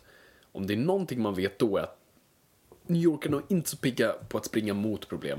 Så här, Okej, någonting har exploderat på liksom Brooklyn Bridge. Låt oss inte springa dit. Nej, alla, nej. Du vet, alla bara kutar. Vad händer där borta? Och så står ju alla här, två centimeter, eller de står en och en halv meter ifrån själva så här, explosionen och grejer, bara Ja, ja. står och kollar liksom. Exakt. Är det, ah. Hur som helst. Som sagt, som du säger, hade inte Fantastic Four varit där så hade ju aldrig det där hänt. Nej. Då hade aldrig behövt göra Exakt. någonting. Och det är det på något sätt, jag tycker, liksom, för mig ska superhjältar oftast vara en reaktion på det. Det är därför Batman fungerar, för Batman är en reaktion på sin omgivning. Mm. Liksom, Batman existerar utan Gotham. Liksom. Det är inte, han vaknar inte upp och bara, jag ska se ut som en fladdermus och slå lite människor.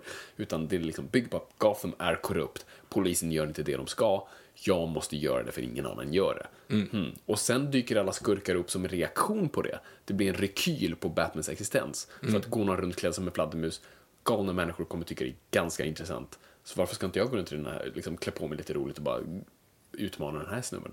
Det roliga där är att Dr. Doom, som inte då, eller han heter Victor Doom, alltså Victor han hade ju, hade de inte åkt upp i rymden, mm. utan, eller säg så här, hade de åkt upp i rymden, tittat på den där stormen, och ner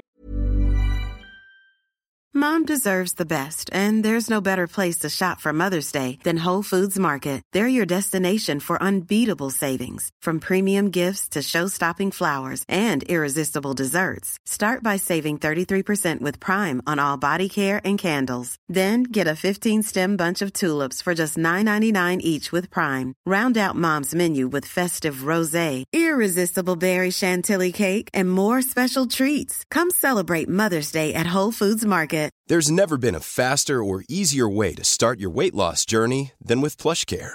PlushCare accepts most insurance plans and gives you online access to board-certified physicians who can prescribe FDA-approved weight loss medications like Wigovi and Zepbound for those who qualify.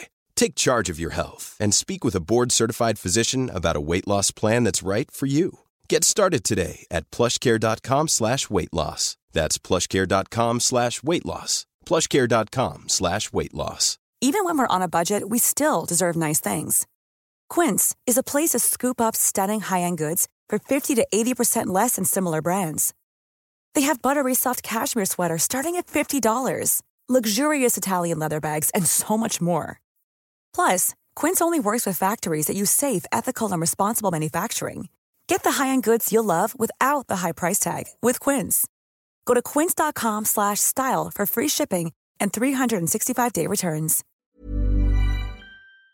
Igen, och Jessica Alba fortfarande hade blivit intresserad av Mr. Fantastic, mm. då hade han gjort precis samma sak fast utan superhjältekrafter. alltså det hade varit precis, de hade fortfarande köpt ett personligt vendetta mot den personen. Mm. Men nu råkar det så att de fem då har superkrafter allihop. Mm. Det är så här, ja, men det hade ju varit samma, det hade kunnat varit liksom en, en, en semitung italiensk drama också på samma manus utan superkrafter. En latinamerikansk såpa. Ja. Ja. El Fantastico. Ja, eller hur? El Folk... Fantastico catorce. Quattro. Ja. Folk och ögonlappar, onda tvillingar. Ja, oja. Backstabbings. Oja. Återupplivelse. För övrigt, alltså, finns det någon förklaring? För nu har, inte, nu har vi inte sett Josh Trank-filmen än. Nej. Eh, men man har sett på trailern, så till exempel, vet, ser vi att Johnny Storm ramlar ner typ i lava.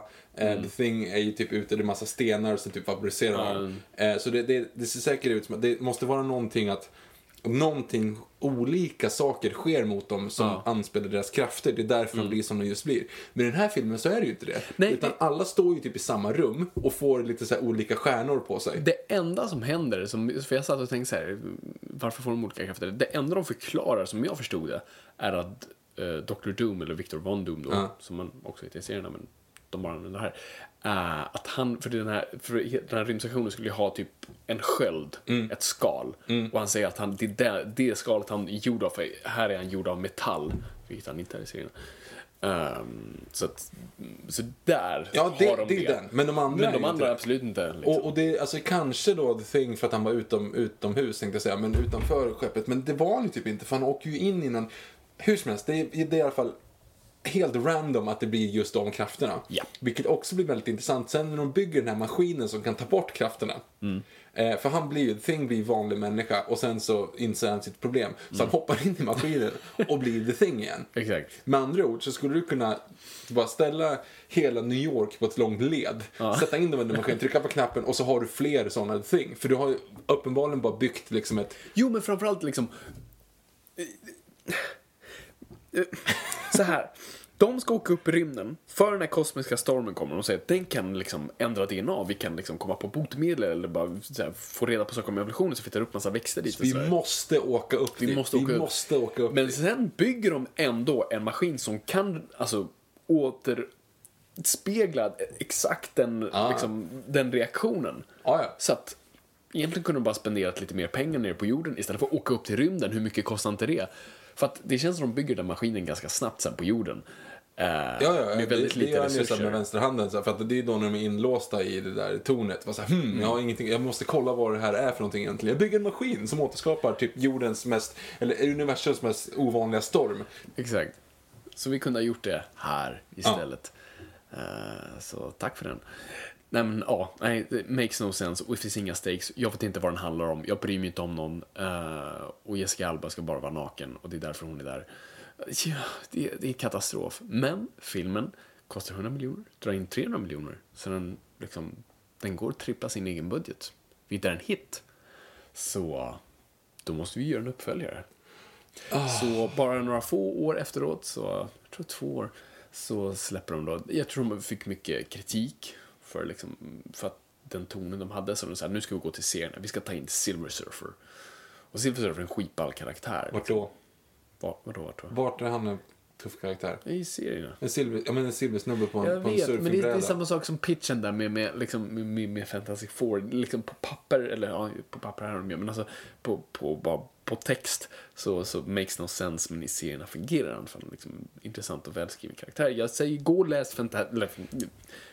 Silver Surfer. Förklara för mig vem Silver Surfer är. Men Silver Surfer är då liksom en, en kosmisk varelse som då hans uppgift är liksom att egentligen där han, ja, han, han är budbäraren för Galactus. Och Galactus har vi pratat om tidigare i den här podden och jag tänker inte gå in på det igen. Han äter världar, det är det han gör. Vem är hans mamma?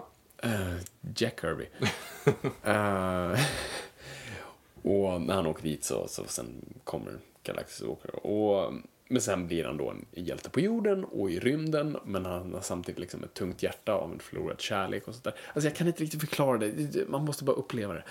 Eh, så att han fungerar, men allt fungerar inte i allas kontext. Vi har haft Batman och Robin. Liksom. Batman kan också misslyckas. Så att, ja, de går på den biten. Och jag kommer ihåg att trailern släpptes. Bara, fan, det här ser rätt bra ut. Liksom, det är Silver Surfer och det, det ser lite mörkare ut. Det ser lite, liksom, effekterna är snygga. Man såg liksom, den här jaktscenen då liksom, Human Torch jagar eh, Silver Surfer genom New York. Och så, det här ser bra ut.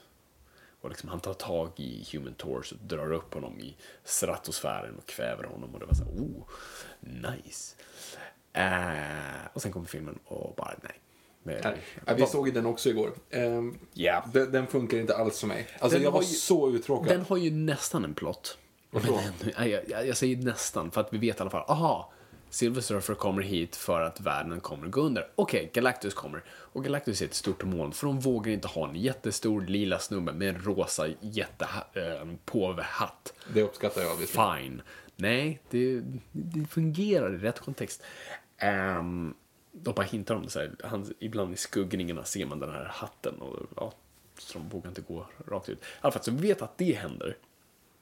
Men fortfarande, jag, jag vet inte vad de gör i den filmen. Vad gör Fantastic Four för någonting? Ingenting. Alltså, säg så här. Det finns ingen anledning till att den filmen heter Fantastic Four. Fantastic Four är fucking inte ens med i filmen. Alltså, det, se, vad, vad, hur mycket räddar de jorden? Vet du vad, vet du vad de gör? Det, det är ju så här. Alltså, Silver Surfer kommer till jorden, åker omkring och då typ så här dör elektricitet där han är. Typ. Alltså, det, det är det han gör. Och då börjar de jaga honom och de lyck- misslyckas med att jaga honom. Det händer ingenting liksom. Och sen ska de försöka fånga honom. Ja. När de inser då att, att Galactus kommer och ska, jorden ska gå under, då ska de försöka typ fånga honom eller lura fram honom och så här. Han kommer till Jessica Alba, Jessica Alba säger så här. Så här, vad, gör, vad gör du egentligen? Hon ja, ah, jag ska förstöra världen. Varför då? Nej, men för att jag måste. Och då säger hon, nej, man får bestämma själv över sitt eget Du har öde. ett val. Du har ett val. Precis så, du har ett val. Sen så kommer Von Doom, stjäl plattan och, och liksom det här grejen att, och de hjälper honom att få tillbaka plattan. Och sen åker han upp och dödar sig själv och, mot Galactus liksom, för att offra sig själv mot, för att rädda jorden. Men det enda som hade behövts, det var alltså ett stort plakat där de håller upp så här. Du har ett val! Men det, det, det, kom inte hit, kom inte hit, du har ett val, du har ett val, du behöver inte göra det här. Det var det, det du hade inte behövt de andra. Har jag ett val? Oh, no. Okej. Alltså, Hej då. Fattar du hur hur stor grej det måste vara, vad lättpåverkad den nissen är. Som kommer, han har, ja, han har färdats runt, runt alla galaxer i hela, och bara mördat massa planeter. Miljontals, miljarder människor, eller varelser har dött på grund av, av Mm. hans grejer. Han kommer ner till jorden, en person säger till honom, du har ett val. Se, Silver Surfer i filmen Okej. är väldigt lättövertalig. Liksom. Ja, men så- alltså, så lätt direkt, det är över bara så här- Det är lite som det där gamla skämtet, liksom, folk när, någon, när en ledare säger liksom Ni kan tänka själv, vi kan tänka själv. Liksom det, Ja. Den biten av det. Känns som man är väldigt lättövertalig. Nej, och det var så här, okej, ja nu gör jag det. Och så offrar han sig själv och, och alltså, det, det, åh, det hade inte behövt den. Det hade kunnat vara the negotiator. Det hade kunnat vara det. Han hade skickat upp en person, liksom, som, ja, det är så dumt. Nej, men, och, och vad gör de i den filmen för att försöka, hur fan drar vi ut det här på två timmar? Jag har ingen aning. Jo, men vi gör så att deras liksom, DNA blir förändrad igen av då närvaron av Silver Surfer. Så att hälften av filmen går ju runt på att de bara byter krafter. Och det är så dåligt. Det är så jävla tråkigt. Han, alltså, Human Torch en- kan inte nudda de andra för att då får han de krafterna. Exakt, och då blir ju såklart Jessica Alba får hans brännkrafter så hon brinner och sen hennes kläder brinner upp och sen får hon tillbaka sina krafter så hon är naken igen. Det är så det, Eller hur? Det är, inte ens, det är inte ens för att hon är osynlig. Utan det är för att hon blir naken i andra krafter också. Och de försöker sjunga såhär Oh, why does this happen to me? Ja, för det finns sexistiska manusförfattare och sen som sitter där och tror att det här är vad det var. Liksom, Vad treåringar vill ha. Ja, det här är det, ja, precis. Eller vad, liksom, vi måste på något sätt få dit föräldrarna också. Vi kan inte bara tilltala barnen. Ja, alla, alla pappor där ute ska sitta liksom och fnissa. Nej, men det är så dumt. Ja, det Så är, dumt! det är illa. Åh, gud. Ja, nej men så... Nej, Fantastic Four har inte fått... Och det är också här, än en gång, okej, vad tänker du på? Jag tänker på, det, bara, jag tänker på hur dålig Jessica Alba är skriven. Alltså, vad är hennes mål i den filmen? Vad gör hon i den filmen? Eh, hon... För det första vet jag inte vad hon faktiskt alltså vad hennes, jag vet vad hennes roll i serien, men vad är hennes roll i filmen? Alltså vad gör hon på skeppet? Eh, är hon där för att hon är chefens pojkvän? Flickvän. Uh, flickvän. Pojkvän. Eh, och sen vill hon bli eh, någon annans flickvän? Nej, men jag tänker i andra filmer. Första filmen, Andra film- fine, okej, för det har okej. ingen något syfte. Okej. Men i andra filmen, vad, filmen vad, vad vill hon? Vad är hennes mål? Hon vill gifta sig. Hon vill gifta sig. Hon är kvinna. Hon vill gifta sig. Det är så jävla dumt. Hon vill stå där i brud. Hon har liksom brudklänningen på sig och bara så ah, men du, du är aldrig med mig. Du, du vill alltid hänga med dina polare. Typ så här. Jorden håller på att gå under. Jorden håller på att gå under. Han håller på att bygga en maskin. Alltså, de frågar så här. Du, kan inte du bygga en maskin för jorden går under? Vi måste veta varför. Hon bara, nej, jag tänker gifta mig. Ja, du får inte göra det för jag ska gifta mig. Så här. På bröllopet på fucking bröllopet så är, håller jorden på att gå under för då kommer den här silversurfern då och bara förstöra New York. Hon blir sur för att inte hon får gifta sig när jorden går under. För att han säger åh nej, nu måste jag avbryta den här ceremonin för nu går jorden under. Hon bara, ah, det är typiskt. Och typ så här, armarna i kors. Det är så jävla dumt. Det är så endimensionellt skrivet som man fan blir bara... Tänk på, tänk på det ni som uh, klagar på att Man of Steel slår sönder halva Metropolis. Det här var min Oj. Det där gjorde fysiskt ont för dig. Mm. Yeah. Nej men, åh, här, vi, här stöter vi också på liksom problemet med liksom... Det här är liksom... Det här är liksom serietidningens andra liksom boost. Och, och, och, och vad, vad befinner de sig i kontexten av det? Och det är väl det som leder oss in oss lite nu på framtiden. Inte framtiden. Vi har inte pratat om att Mr Fantastic dansar med horor. Låt oss, låt oss gå in på det. Mr Fantastic dansar med prostituerade. Human. Torch köper prostituerade Japp. för att Mr Fantastic ska då stå och dansa med honom med sina långa armar. Han har typ, Yes. alltså det finns alltså en film, det är en barnfilm återigen. Yes. Det är en barnfilm, det är ett bachelor party. Yes. Han säger no exotic dancers. Det första han säger är no exotic dancers. Vilket är bara så här, vänta lite, varför ska vi fylla ut det här med det? Varför kan, kan jag inte säga någonting annat? Kan, kan vi inte liksom ta in grejen att han ska göra någonting fantastiskt eller någonting så spännande, bungee jump, någonting som han är rädd för. Det han är rädd för, med andra ord så har det hänt förr. Alltså han säger så här, nej, inga exotic dancers.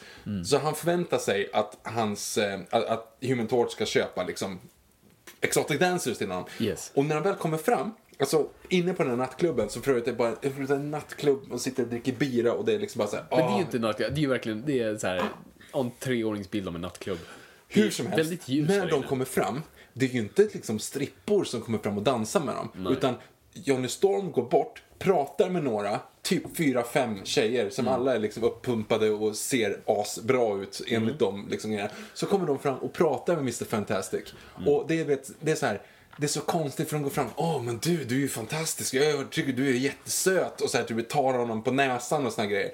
Det är så uppenbart att de där personerna antingen bara är ute efter hans pengar, vilket är inte är speciellt troligt i och med att det, är så här, utan det där, de är ju typ betalda för att gå fram och göra det till dem av Johnny Storm. För det är det de hintar om. Ja. Och sen står han och dansar med så här, fyra tjejer samtidigt på ett dansgolv.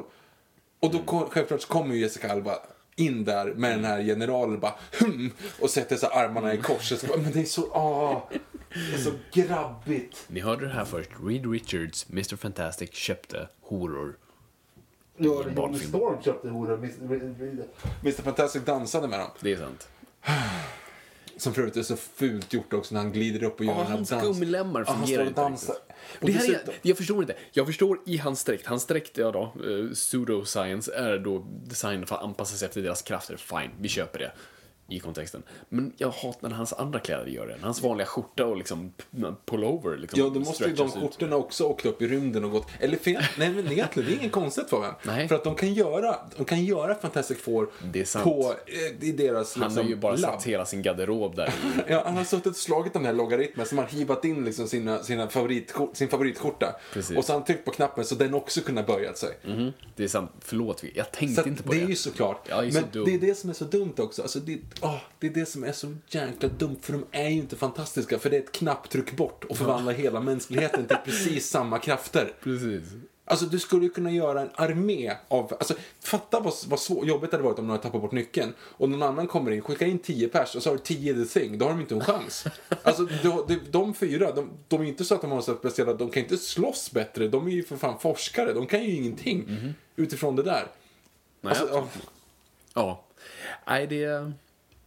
Jag förstår din frustration, Victor. Jag delar den. Absolut. absolut. Vill, du, vill du gå vidare? ja, fort. Nej, men så här ligger det till. Um, från, eh, 20th century... Vänta, varför finns armén i överhuvudtaget? Alltså egentligen, Vadå? även typ i Superman-universumet. Liksom. Varför varför? finns armén i den här världen? Va- Varför, varför finns det någon som kan säga så här till de här personerna som inte kan dö? Du kan inte skjuta dem. Du kan liksom inte bara kulorna studsar på dem. Liksom, de kan flyga och fucking spruta eld. Mm. Varför finns det någon som har ett vapen som du vet, det kommer inte funka mot någonting. Alltså om Doom, Dr. Doom kommer eller Mm. Silver Surfer. Jag tror inte ens de skjuter i hela filmen för övrigt, jag bara tänker efter. I alla fall, varför finns det en general som kan säga så här, gör så här till dem? Ja, det är väl det som du sa du själv. De, är ju inte, de kan ju ingenting om strategi. De är bara forskare. Då borde du då låta det vara så här, här, här, herr general, gå in här så kom alla dina, alla dina soldater kommer bli jättestarka och jättestora. Som för övrigt är så sjukt, alltså, ah, det är så balanserat. Ja. The Thing Ja. är jättetung i vissa Yes. scener när det ska vara comic relief. Ja. Men i andra scener så är det inte alls så. Till exempel när han sitter på en barstol och bara bram, rakar, brakar Mm. rakt igenom. Han ligger i en säng, bara bram, rakar den sönder. Sen så går han och sätter sig på ett flygplan. Ja, i flygstol. Och det är liksom i flygstolen och bara sitter så här och, och ha, ha, ha, det är jättejobbigt att jag sitter emellan de här två. Mm. Åh, gud. Ja, ja, ja, jag vet. Var konsekventa i alla fall om ni ska vara sån här.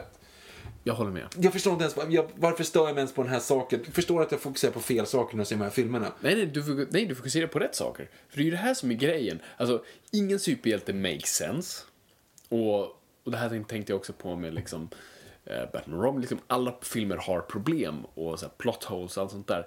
Men om story inte, om story inte in, involverar så kommer jag lägga märke till problemen.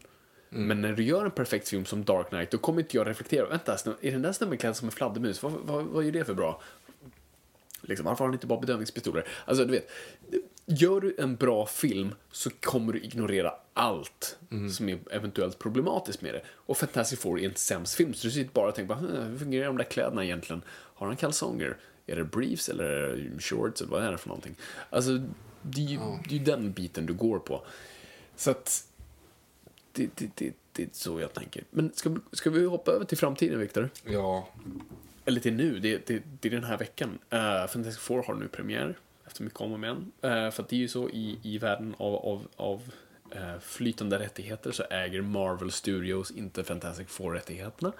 Utan de ligger hos Fantastic... Eller, 20 Fantastic Fox.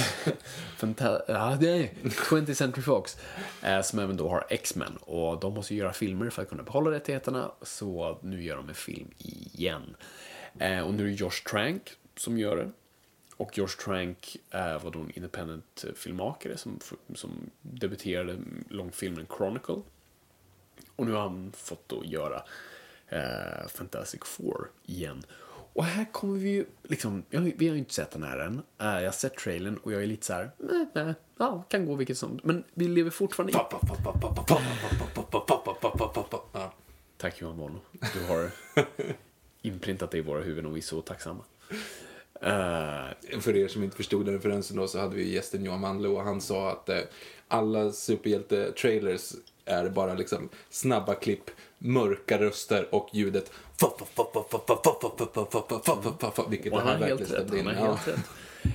Ehm, nej men, vi lever, ju, vi lever ju ännu en gång, det här är samma problem som serietidningarna haft. Liksom, vi lever nu i en värld där liksom, superhjältefilmer är överallt, det kommer komma, liksom, det är fullspäckat fram till 2020. Fox har X-Men och så har vi, slår ner nu, en snubbe som kan bli eld, en snubbe i sten, en snubbe som kan böja en lem och en osynlig flicka. Hur relevant är det? Och vad kommer få mig, eller kanske gemene man bara att säga, hm, den filmen ska jag gå och se för det här, det här vill jag se hur det är. Det är här jag undrar liksom hur de ska knäcka den biten.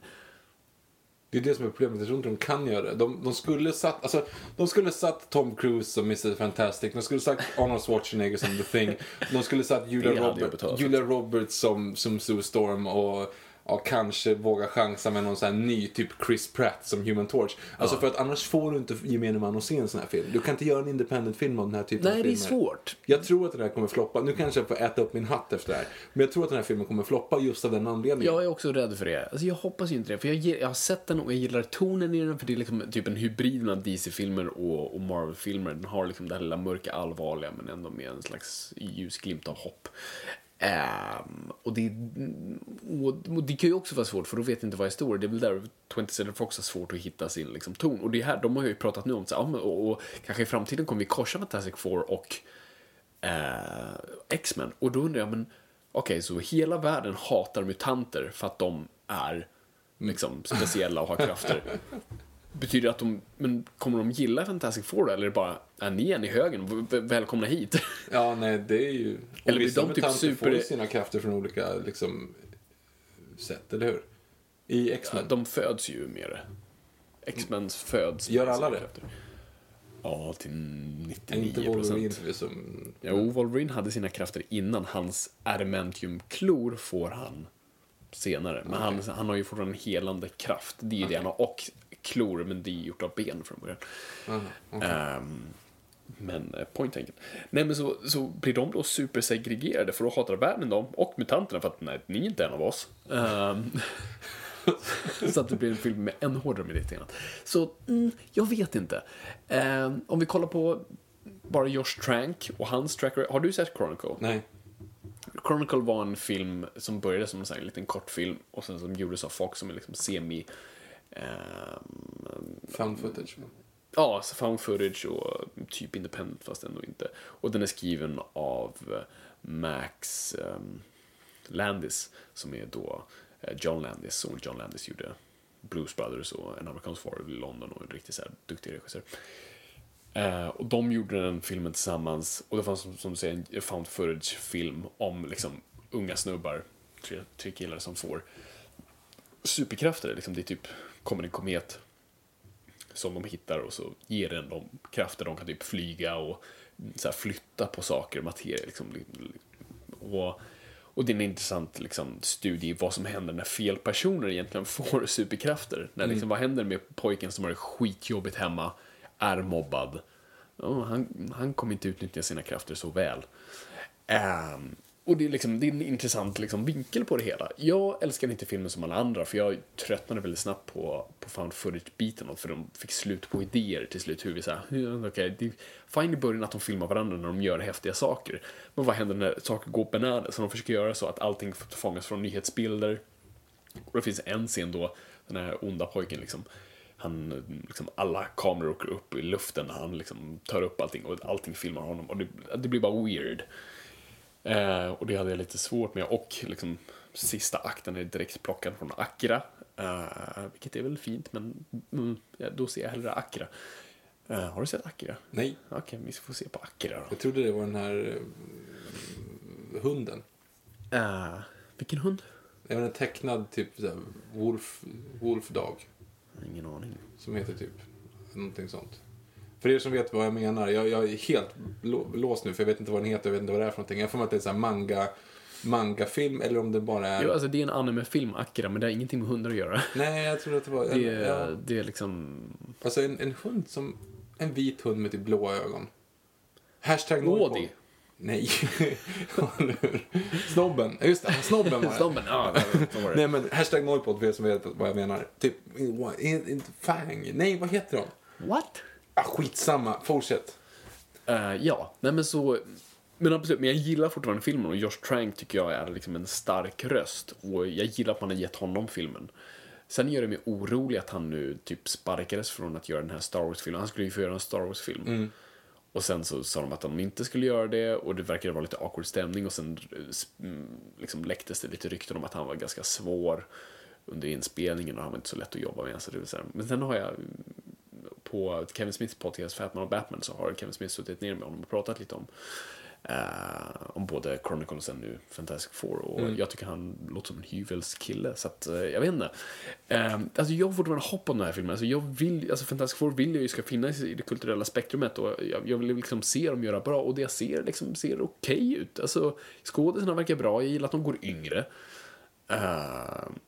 Och att det blir liksom mer ungdomlig, lite mer liksom bara ungdomlig kraft i det hela. Och jag, jag, bara, jag, jag, har verkligen, jag hoppas på det bästa. Det, det, det är väl det jag kan säga. Liksom. Jag, bara, jag vill att det ska bli bra. Och så får vi se bara hur det går. Men vi, vi kommer väl se den. Och vi får väl säkert sen säga vad vi tyckte. Men eh, by the way, på tal om det. Eller det kan vi ta sen i... Nej, vi tar det sen. Um, något mer? Nej. Bra då. Det, Whew, vi klarar det. Fantastic Four. I told you so.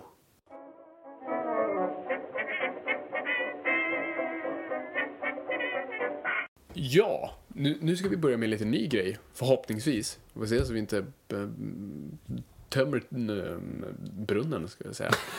Eh, nej, men vi fick lite förfrågan på Twitter att börja med lyssnarfrågor. För det ville tydligen folk ha. Så vi tänkte, varför inte? Eh, vi gillar att prata. Så att, eh, och det uppmuntrar vi också nästa gång inför varje avsnitt. Nu ska vi väl försöka så länge, så länge det finns intresse för att ställa frågor. Så har ni några frågor så ställ dem när ni vill så, så samlar vi ihop dem till nästa avsnitt. Om det inte är någonting man kan svara direkt på Twitter. Alltså om ni vill Ja. att vi ska ta upp det i podden så skriv det så att vi Ja, fattar. Så precis, alltså gärna. inte, så vilken är din favoritfärg till exempel? Per automatik jag nog svara ganska snabbt då. Liksom. Och så bara så nej, nej, nej, vänta till podden. Ja, ja du fattar. Nu målar jag in mig själv ett hörn. Mm. Ja, ja, precis. Vi går vidare. Ehm, ja, eh, vi fick en del frågor om Ant-Man. Uh, för det första varför vi inte gjorde ett avsnitt om det. Och, och sen vad vi tyckte. Nummer ett, vi har inte sett Ant-Man än. Skäms nog. Men det är för att vi har haft semester. och jag gillar att vara ute i solen så, ja, så gott vi har kunnat få. eh, och inte vara i en biosal. Men jag ska se den i veckan har jag tänkt. Så att ehm, jag ska se den och jag ska se vad jag tycker både på Twitter och kanske i podden. Vi får se. Om vi ser den tillsammans kanske vi gör en specialare. Vi får se. Jag åker till Spanien så jag kommer inte kunna se den med dig, men jag förstår vad du menar. Ja, ja, men när är du tillbaka? Om två veckor. What? Två veckor? Jesus, okej, ja, då, får, då får jag se. Skit i det nu, prata Ant-Man. Okej, Ant-Man. Och, och Ant-Man, alltså, Ant-Man, absolut, det finns saker att prata om, men han fyller inte ett avsnitt. Så att jag skrev en artikel istället, så kolla eh, på min Twitter, jag får väl lägga upp den på Facebook också, eh, på, vår, eh, på vår sida. Eh, jag skrev en liten topp 10 fakta om Ant-Man. Och that's it. Så att, det, jag kommer att prata om Ant-Man sen. Eh, yes, och sen eh, fick vi frågan om, ja, eh, Jurassic Park, eller Jurassic World, är nu den tredje mest inkomstbringande filmen någonsin. Eh, och direkt efter den nyheten kom så sa Universal absolut, det kommer en till film med, både, med Dallas Bryce Howard och eh, Dallas... Bro, Dallas, Jo, Dal- Dallas, Bryce Dallas Howard. Precis, ja. Eh, Dallas Buyers Club heter hon nu i mitt huvud. Ehm, och Chris Pratt återkommer. Så att det blir en till film. Eh, Colin Trevorrow kommer spela, eh, skriva manuset, men vi vet inte vem som regisserar den. Och de ville höra lite spekulationer på vad vi tyckte. Eller vad vi tror, eller eventuella storylines. Vem, vem är det som har frågat den frågan? Frågan kommer ifrån oh, sorry. Uh, Marcus Willerhausen. Ah. Eh, hej Marcus. Marcus. Nej, men gre- okej, alltså grejen är att de lämnar ju ganska mycket trådar som det går liksom att ta vid. Ja, absolut. Däremot så tycker jag att det är lite konstigt att man väljer att ha Dallas Buyers Club och Pratt Pratt. Alltså, för Dallas Buyers Club, Dallas Buyers Club, hon Mm. var ju liksom hon var ju inte dinosaurieorienterad. Hon var ju liksom orienterad av det här jobbet hon hade. Liksom. Mm. Ja. Mm. hon tyckte ju om the assets. Alltså hon, hon kunde driva parken. Men nu parken nu är nedstängd och det är själva dinosaurierna som är i fokus eller vad som kommer göras då. Då har inte hon riktigt en plats längre. Mm. Nej. Om inte hon görs om helt. Exakt. Eller bara typ i Chris Pratts flickvän, vilket vore synd. Eh, Jag lovar att hon kommer bara gå omkring i. Nej, fabulösa skor hela, hela nästa film. Nej men, ja det är här som blir lite problem. För vad jag gillar med eh, Colin Trevorrow, vad hans tanke var när folk, när de frågar honom, så, ah, men ska några av de gamla karaktärerna komma tillbaka till Jurassic World? Och han sa, nej för Jurassic Park-franchisen ska egentligen inte handla om liksom, de, liksom, dinosaurier-relaterade saker som händer de här tre individerna. Utan det är inte riktigt det det bygger på. Liksom. Att de här tre personerna råkar hamna i konstiga situationer med dinosaurier. Det är inte det där. Och det är man ju rädd för i samma sak här. Att det inte finns plats för dem att dyka upp. Verkligen. Men jag hoppas att de finner... Alltså, den storyn jag velat se är jakten på Dennis Nedrys lilla eh, raklödder. Varför det? För att där ligger alla embryo. Att någon annan vill ta den. Det är ju det The Lost World för mig. Alltså boken handlar om det. Och Okej. filmen skulle handla om det. Det var det Spielberg först ville göra. Så, men det är klart. Nu kommer ju det här rivalerande företaget i Indien vilja hitta, Mm. liksom, hitta raklöddret. Och det hade jag verkligen velat att den hade. Och det är väl troligen en ganska trolig plot Jag tycker alltså, att de har lämnat det helt öppet och den ligger fortfarande där någonstans. Så att, jag vet inte, de kan ju lägga in något mer var alltså någonting mer där. Men de har ju snott, nu, nu åker ju han iväg nu, Dr. Wu. Han åker ju iväg i, eh, i helikoptern, han Ja. Mm. har med sig liksom lite grejer och kan flyga iväg och typ starta en ny park. Så troligen så är det, nu ska de starta en ny park. Eh, och det kommer troligen användas till någonting annat, för nu har vi sett liksom turistdelen av att göra en dinosauriepark. Mm. Nu kommer det bara utnyttjas på annat, på något annat sätt. Ja. Alltså typ, ja men militär forsk, alltså militär utnyttjning eller, Mm. eller vad fan som helst, någon annan typ av forskning eller vet att alla, de börjar sälja Velociraptor-ungar på zoo liksom, att det blir värsta Ja, så här. det- men det är det jag inte vill se. Nej jag vet, men det kan bli. Man vet Ja, liksom inte bli. vilka vinklar jag det kan vill bli. inte av ha det. det som det första versionen av manuset var. Och det var ju alltså att filmen öppnade med en Velociraptor i tunnlarna i Afghanistan jagar talibaner. Va- Var det första? Det var första scenen. Liksom att de använder dem i då, liksom i krigsföringen. Det är inte omöjligt att det blir nästa steg. Nej, för det är ju det de ville liksom Mm. i, i Jurassic World. Och jag vill inte se det. För jag vet inte var man tar det någonstans. Och det blir inte det viktiga. För mig handlar inte Jurassic World om dinosaurier. Nej, det handlar nej, nej. liksom om etik och att leka gud och liksom vad är resultatet av att du bråkar med natur som inte hör hemma. Ja. Som är liksom utdöd av en anledning. Vad händer när du blandar det? Liksom, vad blir mixen av det hela? Och, och konsekvenserna. Det är Jurassic Park för mig, inte ah, dinosaurier. Uh, Nej, kunde lika gärna vara mammutar. Så att, jag, jag vill bara se liksom, ja, liksom raklöddret och vad, liksom, vad konsekvenserna har varit av dinosaurierna. Fria, vi har ju troligtvis en massa pteranodоner i luften. Ja, de lär ju inte vara så lätta att skjuta ner liksom. Ehm, och liksom, ja men, ja, och liksom, alltså, man skulle ju vilja se lite mer av, så här, typ det som, alltså, Jurassic Park 3, förlåt att jag svär kyrkan, men, men att folk kanske använder också ön till äventyrliga saker. Folk åker dit och tjuvskjuter. Vi hade precis nu det här lejonet, stackars lejonet som de sköt dum i huvudet jävla tandläkare. Ehm, att det är liksom sådana grejer, att folk åker dit för att knäppa brachiosaurier. Alltså, men det. Det och liksom äventyra paraglider, vet som de gör det. Alltså, det, det jag vet inte vad storyn skulle vara där. Inte att någon bara strandsats där och måste ta sig Nej, nej, nej, därifrån. fan. och Chris Pratt måste gå dit, för han, han kan ön, Victor. Ja, han har varit, där, varit för- där förut. Ja, herregud. Ja, men, eller så att det är två rivaliserande företag, eller tre rivaliserande företag som alla börjar göra dinosaurieparker. Du vet, de ska bara toppa varann och hitta på nya liksom, För det är det här som är grejen, värda. och jag tror de nämner det i, Jurassic World, för det kommer även från boken, att du kan ha, ta, jo, det säger för du kan ta patent på DNA. Mm. Så att Ingen äger ju de här dinosaurierna, och ingen kan annan kan göra det, och det är ju därför som i Jurassic Park, de försöker ta embryona och göra det själva, för då kan de liksom innan liksom den här, mm, ja, baronyxen är gjord så, så kan de göra den och då har Mm. de patenten. Så att det, liksom den biten av det hela. Så att, patentkrig, det vill jag se i Jurassic World 3. Nej, vara- Courtroom drama. Och inga dinosaurier. Inga Det är dinosaurier. så här, the two towers of Jurassic Park-franchise. Det händer Ja. ingenting. Det är bara en uppbyggnad mot att det liksom... Exakt. Så att, eh, det vill jag se. Är vi överens om det? Ja, Det, det vore en intressant take faktiskt. Mm, Patentkrig. Patentkrig. Hoppas du är nöjd med det, Marcus. Patentkrig. Yes. Sen fick vi en fråga av Alexander Forsberg som undrar vad vi tyckte om Batman Superman-trailern.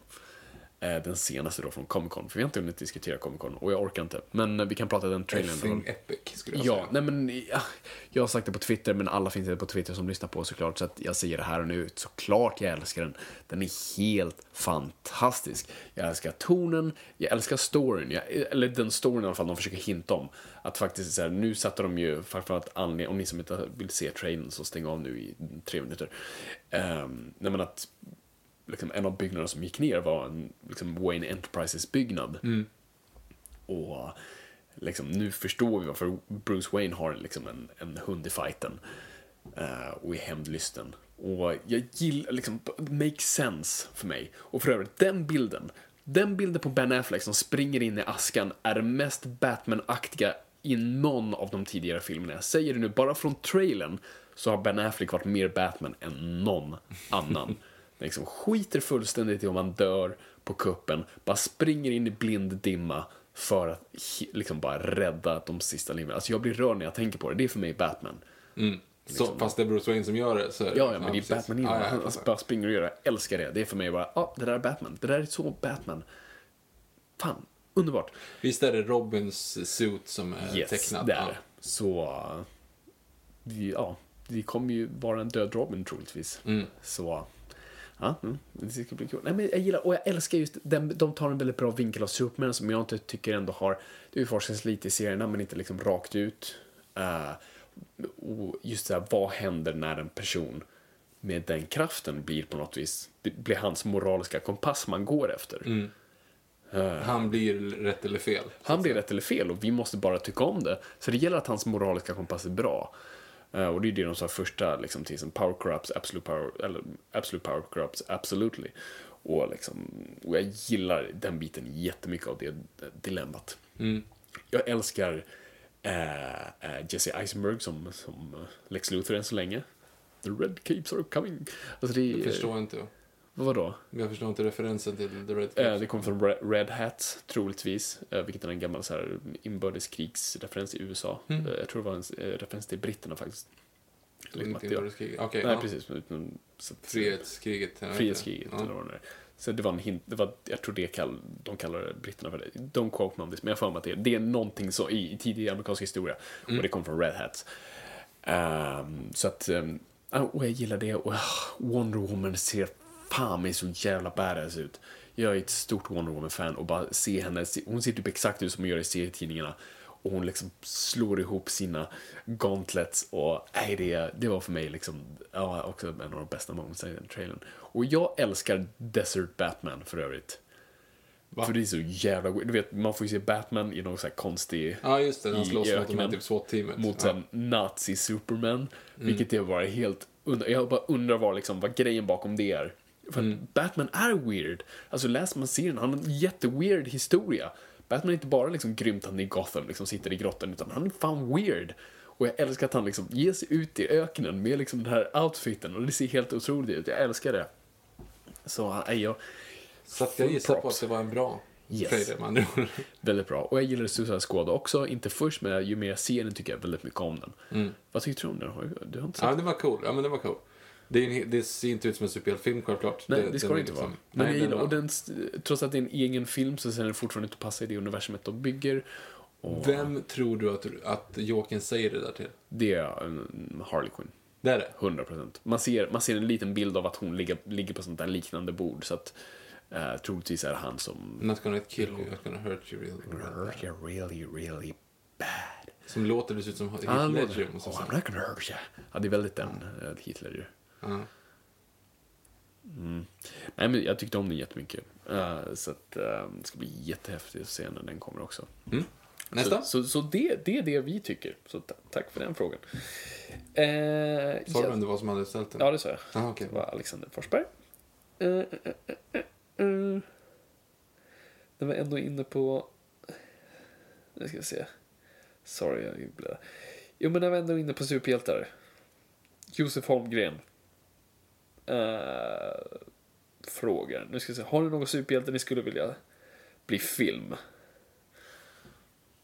Som inte har Som, blivit ja, film. som troligtvis inte har blivit film. Men du kanske kan säga någon som kanske var film och sen blev misslyckad. Har du någon som du tänker på? Nej. Ja, alltså jag kan, eller så säga, jag kan inte komma på någon. Jag kanske skulle preppat den här frågan känner jag. Men eh, nej, inte vad jag kan säga. Bara tänka på. För jag, jag funderade förut och liksom, när jag bara satt och funderade på Hulken. För jag såg eh, alltså, Hul, den, den senaste Hulken med Edward Norton. Och jag tyckte den var riktigt dålig. Alltså det, det var liksom såhär, vad är det här för någonting? Jag tänkte, det här skulle man kunna göra om. Så bara, fast vänta, hur ska man göra det här? Eftersom Hulken är ganska svår att göra själv, tror jag. Alltså han funkar ju i Avengers, Fist, The Lullaby och hela det här. Men att göra bara en Hulken-story känns bara... Ja, det Jag vet inte hur man ska göra det bra Ja, alltså. det, det var ett bra svar, Victor. Jag tänkte faktiskt inte på den. Jag hade nog själv snott den om jag hade kommit på det. Hulken är väldigt bra. Jag skulle vilja se liksom Mark Ruffalo och Hulken-filmen. Men som du säger, hur gör man det Ja. häftigt då? Och det Hur gör man så att han inte är grön hela tiden? Ja, precis. Det vore intressant att se en, en twist på det som inte bara handlar om att jag vill bota det här och sitta ute i öknen och liksom slåss. Det, det, ska vara, det ska vara intressant, en, take, en ny take på Hulken som faktiskt skulle göra det intressant. Jag vet inte hur, men det vore intressant. Jag gillar det. Jag, vill, jag, jag tänkte alltså, jag tror jag går lite mer obskyrt och jag skulle vilja se en Lobster Johnson-film. Eh, Det låter som en snabbmatsrestaurang. Lobster Johnson. Uh, welcome to Lobster Johnsons. Uh, det lät dirty nu. Uh, Sorry. Um, nej men, Lobster Johnson är från uh, förlaget Black Horse. Eh, Dark Horse, jag säger alltid Black Horse. Dark Horse, och det är de som gjorde Sin City. Men framförallt gör de Hellboy. Och det här är Hellboy-universumet, det är Mike Mignolas karaktär. Och han är typ en slags Batman slash Punisher slash The Shadow-figur.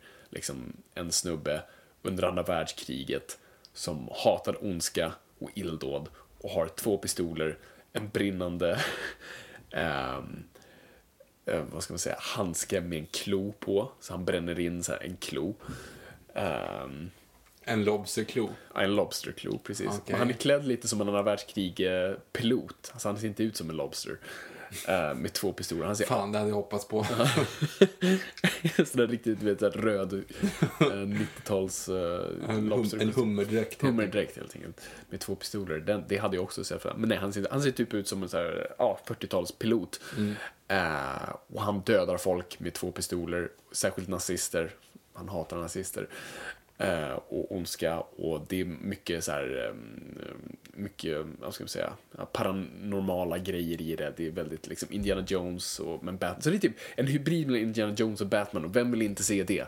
så att eh, jag vill se Lobster Johnson, helt enkelt. Yes. Yes, det, det, det är vårt svar på den frågan. Okej, från Kristoffer. Eller Kristioffer som han heter på Twitter. Kristi offer. Yes. Det var lite rolig pann faktiskt. Jag förstår inte den. Kristi offer. Ah, Alltså som Kristus. Ja, Kristus. Du vet han Jesus, Jo, skäggig snubbe. Levde för Kristi typ 2000 år sedan. Kristioffer. Ja, det är sant.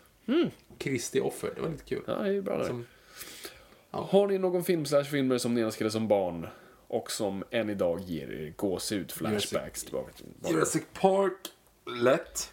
Den Mm. är för enkel. Det är för enkelt.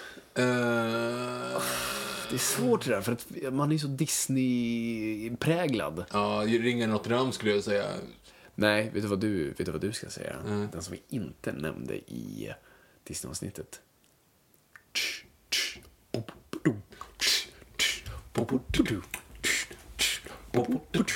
Dum.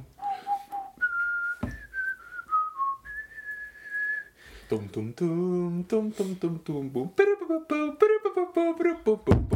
Kanske du behöver ta en paus Lämna vardagen jag prövar på Är du lite spänd? Kanske trött och slut? Ta med en vän, bara ge dig ut Här har vi en resa i det blå Kom igen Maxi! Uh-huh. Aj, aj, aj. Ja, det finns sånt som jag nog hellre gjorde. Vad som helst är bättre än det här. Titta hur han kör rallycross. Undra på om man vill komma loss här. Pippa en resa i det blå. Det är jag och lille Maxim, min trogne reskamrat. Vår karta den är både fin och bra. Kan någon här se en taxi? Jag måste ge mig av. Det är någonstans där ingen klackar på. Det där den kommer. Och så blir det. Ja. eh, var det någon som tog den där innan vi säger titeln? Snälla, hashtag något. Säg att ni... Uh, Sä- så här, jag visste det. Hashtag Noipod eller något, sånt- något liknande. Jag visste det. Hashtag Noipod. Den ska jag. du behöver en stor kram av blästen. Du skulle bara våga. Puff. Åh, den är så fantastisk. yes. Powerline, världens bästa, nej, världens största rockstjärna. Det är alltså Long Been the Movie. Eh, och det är fan en... De har skrattat åt mig i många Ja, okej. år Nej, nu. alla. Men snart ska det skrattet ta slut. Max får leks, Max får skämt. Jag har hört det där jämt, jag förut. Inga krångliga prov före hösten. Här är en som är född att bli sist. Och så, nej jag ska ingenting, ingenting, ingenting, ingenting, ingenting, ingenting. Jag ska shoppa på dag, jag ska bo i en pool, jag ska träffa Roxanne och det blir nog rätt coolt. För efter idag så... Ja, Okej, tack, jag får ju sparka under bordet här. Yes. Ehm, men vi tycker båda om den. Eh, fantastisk film. Så jävla bra. Underskattad Disney-film Så som jä- borde vara en den, den, är, så, den är så jävla rolig. Ja, den är skitrolig. Ja, men verkligen. Och så fortfarande, inte nostalgisk, utan faktiskt genuint rolig. Den scenen i Janne Långben the Movie, om ni nu kommer ihåg den här. Alltså, när de är på det här. Han, han, Långben tar med sig sin son ut på en roadtrip och så ska de bara på ett ställe som han älskar som de barn. Och det är en theme park med pungråttor. Och det är så bra. Det är så bra. Och de kommer in där och det är den här stora, en kille som är utklädd till en jättestor pungråtta som en maskot. Och så bara går omkring och kramas. Och det, det, det är så fel. Och de har de här döda pungrottshattarna på sig. Det det så bästa, det bästa med den just eh, stora dräkten, pungråttan som heter Lesten, eller Lester. Lester. Lester, är när han liksom, du är en stor kram av Lester. Du skulle bara våga. Han kramar honom. Max slår hans mask, liksom som han hamnar baklänges, han ser ingenting. Han snubblar omkring, trillar och sen ser man i bakgrunden så här 20 barn som bara släpar bort honom. Som ur en zombiefilm och det är så underbart. Eh, jag älskar den. Det, det, jag,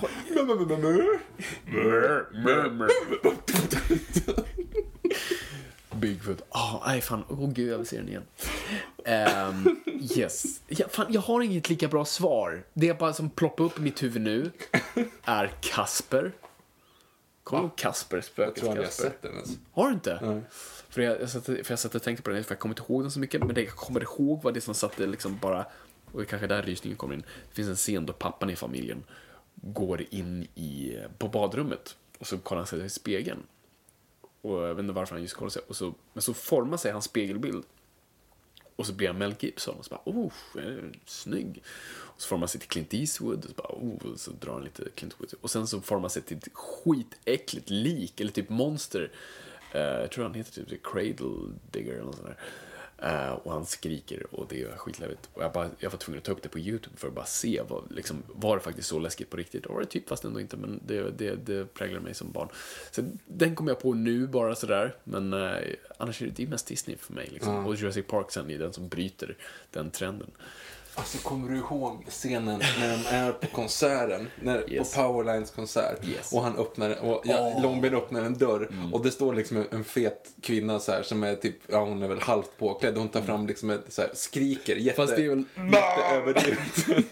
med en mansröst. Och håller fram en handduk. Och så zoomar man tillbaka till Långben som du vet, det är så här riktigt överdrivet. Drar sig själv i ansiktet och snurrar sitt öra. Som att, alltså det, ja, det är så visuellt så fantastiskt. Ja, vi måste köpa den filmen, jag måste ha den. Åh, den är så bra. Ja, det är faktiskt riktigt bra. Eh, och sen fick vi en fråga från Jonas Paulsson och jag kommer göra honom besviken, men nu ska jag se. Det, det, det. Vad tycker ni om Transformers 80-talstidningar? Jag har inte läst dem. Jag är, Inte jag heller. jag är hemskt ledsen. Ledsen, Eh, Jonas. vi kommer nog inte få ett, ett Transformers-avsnitt här för jag, jag är faktiskt inte intresserad. Jag såg inte serien. Jag snodde några leksaker från en kompis på dagis som var Transformers. Jag mår fortfarande dåligt över det. Har du stulit leksaker? Ja, jag, st- jag stal leksaker på dagis. Jag kommer ihåg det. Det var, jag tror det var Samuel. Så Samuel om du lyssnar, jag är hemskt ledsen. Men de var coola och, ah, gud jag, Hade du dem hemma sen liksom? ja, jag hade dem hemma. Va? Jag mådde så Vilket jävla dåligt. svin du Jag är. vet, det är så jättesvin. Varför lämnade du inte tillbaka dem sen då? För att brottet var begått. Jag kunde ju inte... Men du kan ju bara gå tillbaka och så här, lagt dem under en kudde. Åh, kolla vad jag hittade! De här har du letat efter i fyra år. Jo, kanske. Jag var inte så smart. Alltså, det, det, åh, herregud. Jag vet, jag skäms. Vilket, vilket, vilken ond människa du är. Ja, jag vet, jag var jätteont. Mm. Och jag Gud. Ja, gud. Ja, så det är min Transformers-historia. Så jag är hemskt ledsen för det. Eh, sorry Samuel. Jag kommer aldrig se på det likadant igen. Förlåt. Jag, jag, jag, kan, jag kan inte... Jag kan inte rå för allt det där. Uh, yes, så har vi två... Precis. Vi har två dramaturgfrågor, för vi hade ju förut om, om manus. Så att... eh, nu ska vi se. Precis. Eh, Kanske inte behöver ta alla, det men vi kan ta de här i alla fall. Eh, nu ska vi se. Eh, från Atemir som frågar da, da, da.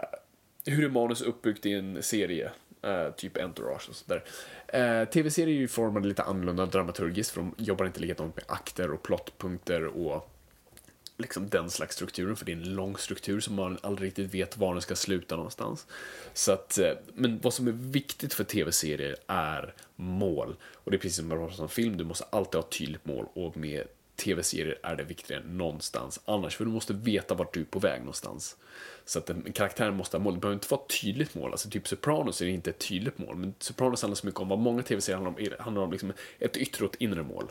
Liksom, hans yttre mål är ju att på något vis bli frisk igen, liksom att han ska sluta få sina ångestattacker. Men det inre målet handlar ju om vad som är grunden till det här och det håller upp en familj, både den familjen han har och sen den yttre familjen som är då maffian och hur han balanserar liksom sitt känslomässiga liv med en väldigt kall värld och liksom hur de klaschar. I 30 Rock så är det Liz Lemon som vill både ha en karriär men också gifta sig och liksom skaffa en familj och hur matchar du de bitarna som en kvinna i, liksom, i, i moderna USA. Och det är såna grejer, du, liksom, du har alltid ett sånt satans tydligt mål i tv-serier. Och sen när du tar dig dit är det liksom bara motgångar, motgångar, motgångar, motgångar. Alltså Game of Thrones handlar ju bara om att liksom piskas till att nå dit vi ska. Kommer inte Nerys någonsin dit? Uh, och sådana där grejer. Så att det är väl där det som är det främsta viktiga med tv-serier. Bara ett tydligt mål och framförallt ett så här, inre versus yttre mål och de behöver nödvändigtvis inte vara samma och de krockar oftast. Det kan jag kort säga om, om det var kort. Uh, och sen fick jag från uh, Josef Holmgren igen, just om bara hur dramaturgin fungerar i Kill Bill och Kill Bill beskrev lite med, uh, det är samma sak med trilogier, alltså målet är fortfarande, liksom sträcker sig över alla filmer. Men Kill Bill är fortfarande format så att du har faktiskt ett specifikt mål i varje film. Så första filmen handlar mer om att liksom, ta sig förbi The Vipers och få reda på vad Bill är. Och sen i tvåan handlar det mer om att komma till Bill och Vipersna blir mer en motgång än ett mål. Så att så simplifierar jag det där. Så att Kill Bill väldigt dramaturgiskt strukturerat. Yes. Yes. Uh, och just det, och sen bara frågar han också om komedier. Eh, att, att det sällan finns så bra komedier och han undrar varför. Eller just idag varför det är så, och jag förklarar lite snabbt på Twitter för honom. Eh, och det är svårt att sammanfatta men alltså Komedier är så pass viktigt att ha en karaktär vi bryr oss om och tycker om. Det, det, och det är det folk glömmer. Just nu har vi bara de hangover-filmerna där det handlar om personer vi hatar, absolut ingen empati för, bryr oss inte för fem öre, som bara gör massa dumma, idiotiska saker som bara, alltså, helt horribla. Liksom, de förstör människors liv och det tycker inte jag är roligt att titta på. Men kollar man på gamla komedier, liksom, Some Like It Hot, liksom, de, det, och, eller vad var det vi kollade på häromdagen? Heat. Heat, vi kollade på The Heat. Mm. Ehm, Alltså med- inte den med Al Pacino utan. Nej, det är Heat, Heat bara. Ja. Eh, precis, med Sandra Bullock. Eh, och Melissa McCarthy, McCartney. Eller McCarthy. McCarthy. McCarthy tror jag. McCarthy.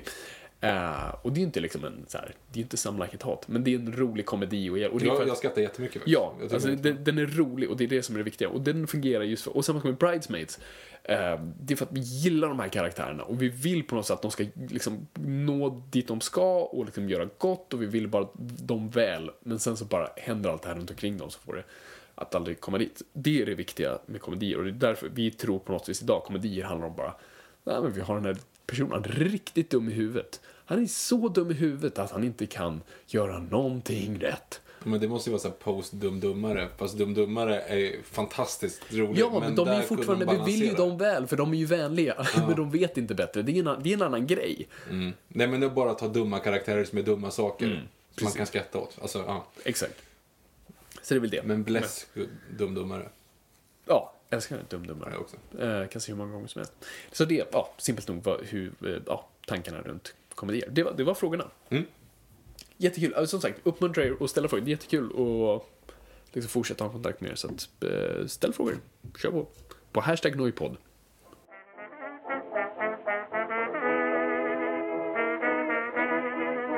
Då har vi kommit till den punkten då jag ger mitt Comic 7-tips. Comic 7 är en seriebutik i Stockholm. Eh, de har även en webbutik för er som inte bor i Stockholm. Eh, och i, i religionen som är serietidningar så är kompisar med min kyrka och jag tipsar lite saker om varje, i varje avsnitt som, eh, som ni kan gå dit sen och plocka upp. Och det får introducera er till mediet på så vis.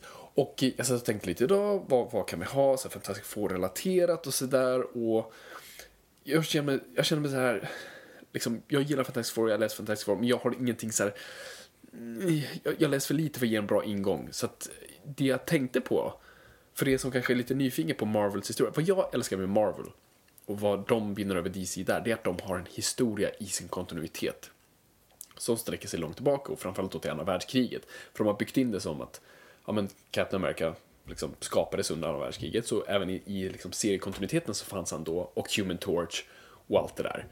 Och sen återupplivas han då igen från isen och allt sånt där. Och jag gillar det. Uh, så att det kom en serie uh, som heter Marvels, som är skriven av Kurt B- jag eh, kan inte riktigt, Busick.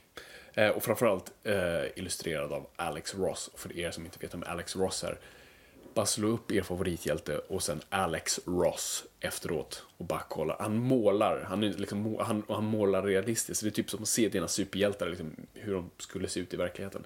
Fast i så sin, i sin serietidningsform. Eh, och det var en kort serie som, ut, som, som just en sån här Elseworld-serie som inte är i kontinuiteten direkt. Som utforskar Marvels universum från ett reporters perspektiv. Så den börjar under andra världskriget när Human Torch först dyker upp och Submariner och sen Captain America. Och vi ser honom se det, liksom hur de föds. Och han rapporterar om det och pratar om det. Och sen så hoppar vi till 60-talet då liksom Fantastic Four börjar dyka upp. Och sen hoppar vi till 80-talet då X-Men dyker upp. Och så de här hjältarna dyker upp då i den här kontinuiteten det året de föddes liksom på riktigt. Som X-Men dök upp liksom.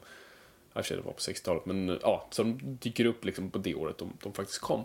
Och så det är en väldigt intressant serie som bara tittar på liksom Marvels universum och liksom hur, de, hur de fungerade i världen och vilka problem de stöter på rent kulturellt och sånt där. Och det, och det är en väldigt intressant studie i Marvels universum. Jag kan verkligen rekommendera den. Eh, och framförallt bara för illustrationerna. Och jag tycker om den väldigt mycket. Så det är alltså Marvels. Eh, så kolla upp den tycker jag. Det blev för långt igen. Jag vet inte vad vi gör. Jag. Jag förstår inte vad det här är för någonting. Jag, jag, jag kan bara inte liksom...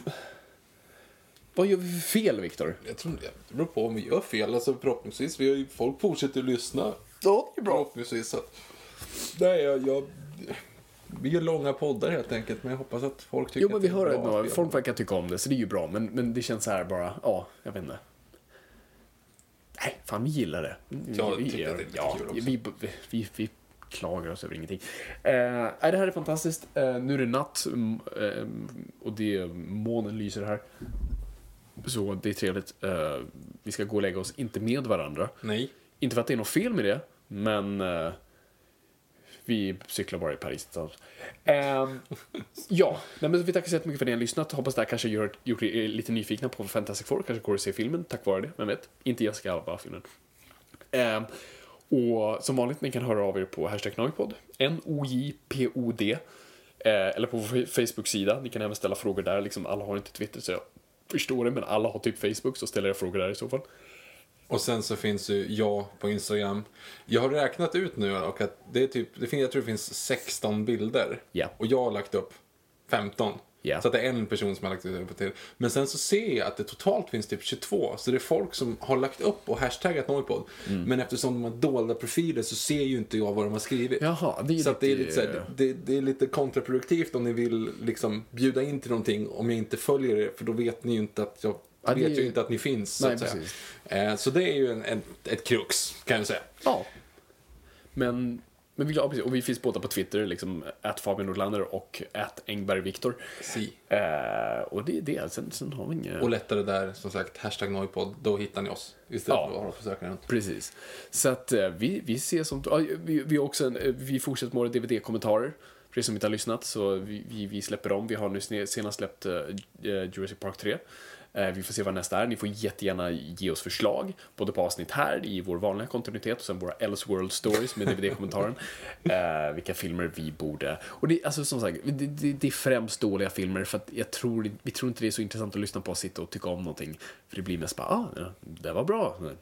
Det var också bra. Fan, den här scenen, den är bra. Du vet, det, det blir inte så mycket ingående i det. Men vi uppskattar ändå förslagen. Så ja, ska vi, ska vi säga hej då? Hej då. Okej. Dags att säga hej då. Hej då. Dags att säga hej då. Dags att säga hej då. Vad är det ifrån? Teletubbies. Ja. Jag satt nu och tänkte på... Uh, färdig, kommer torkat. Uh, Vad är det ifrån? Okej. Kom ihåg gott folk, ingenting är för nördigt.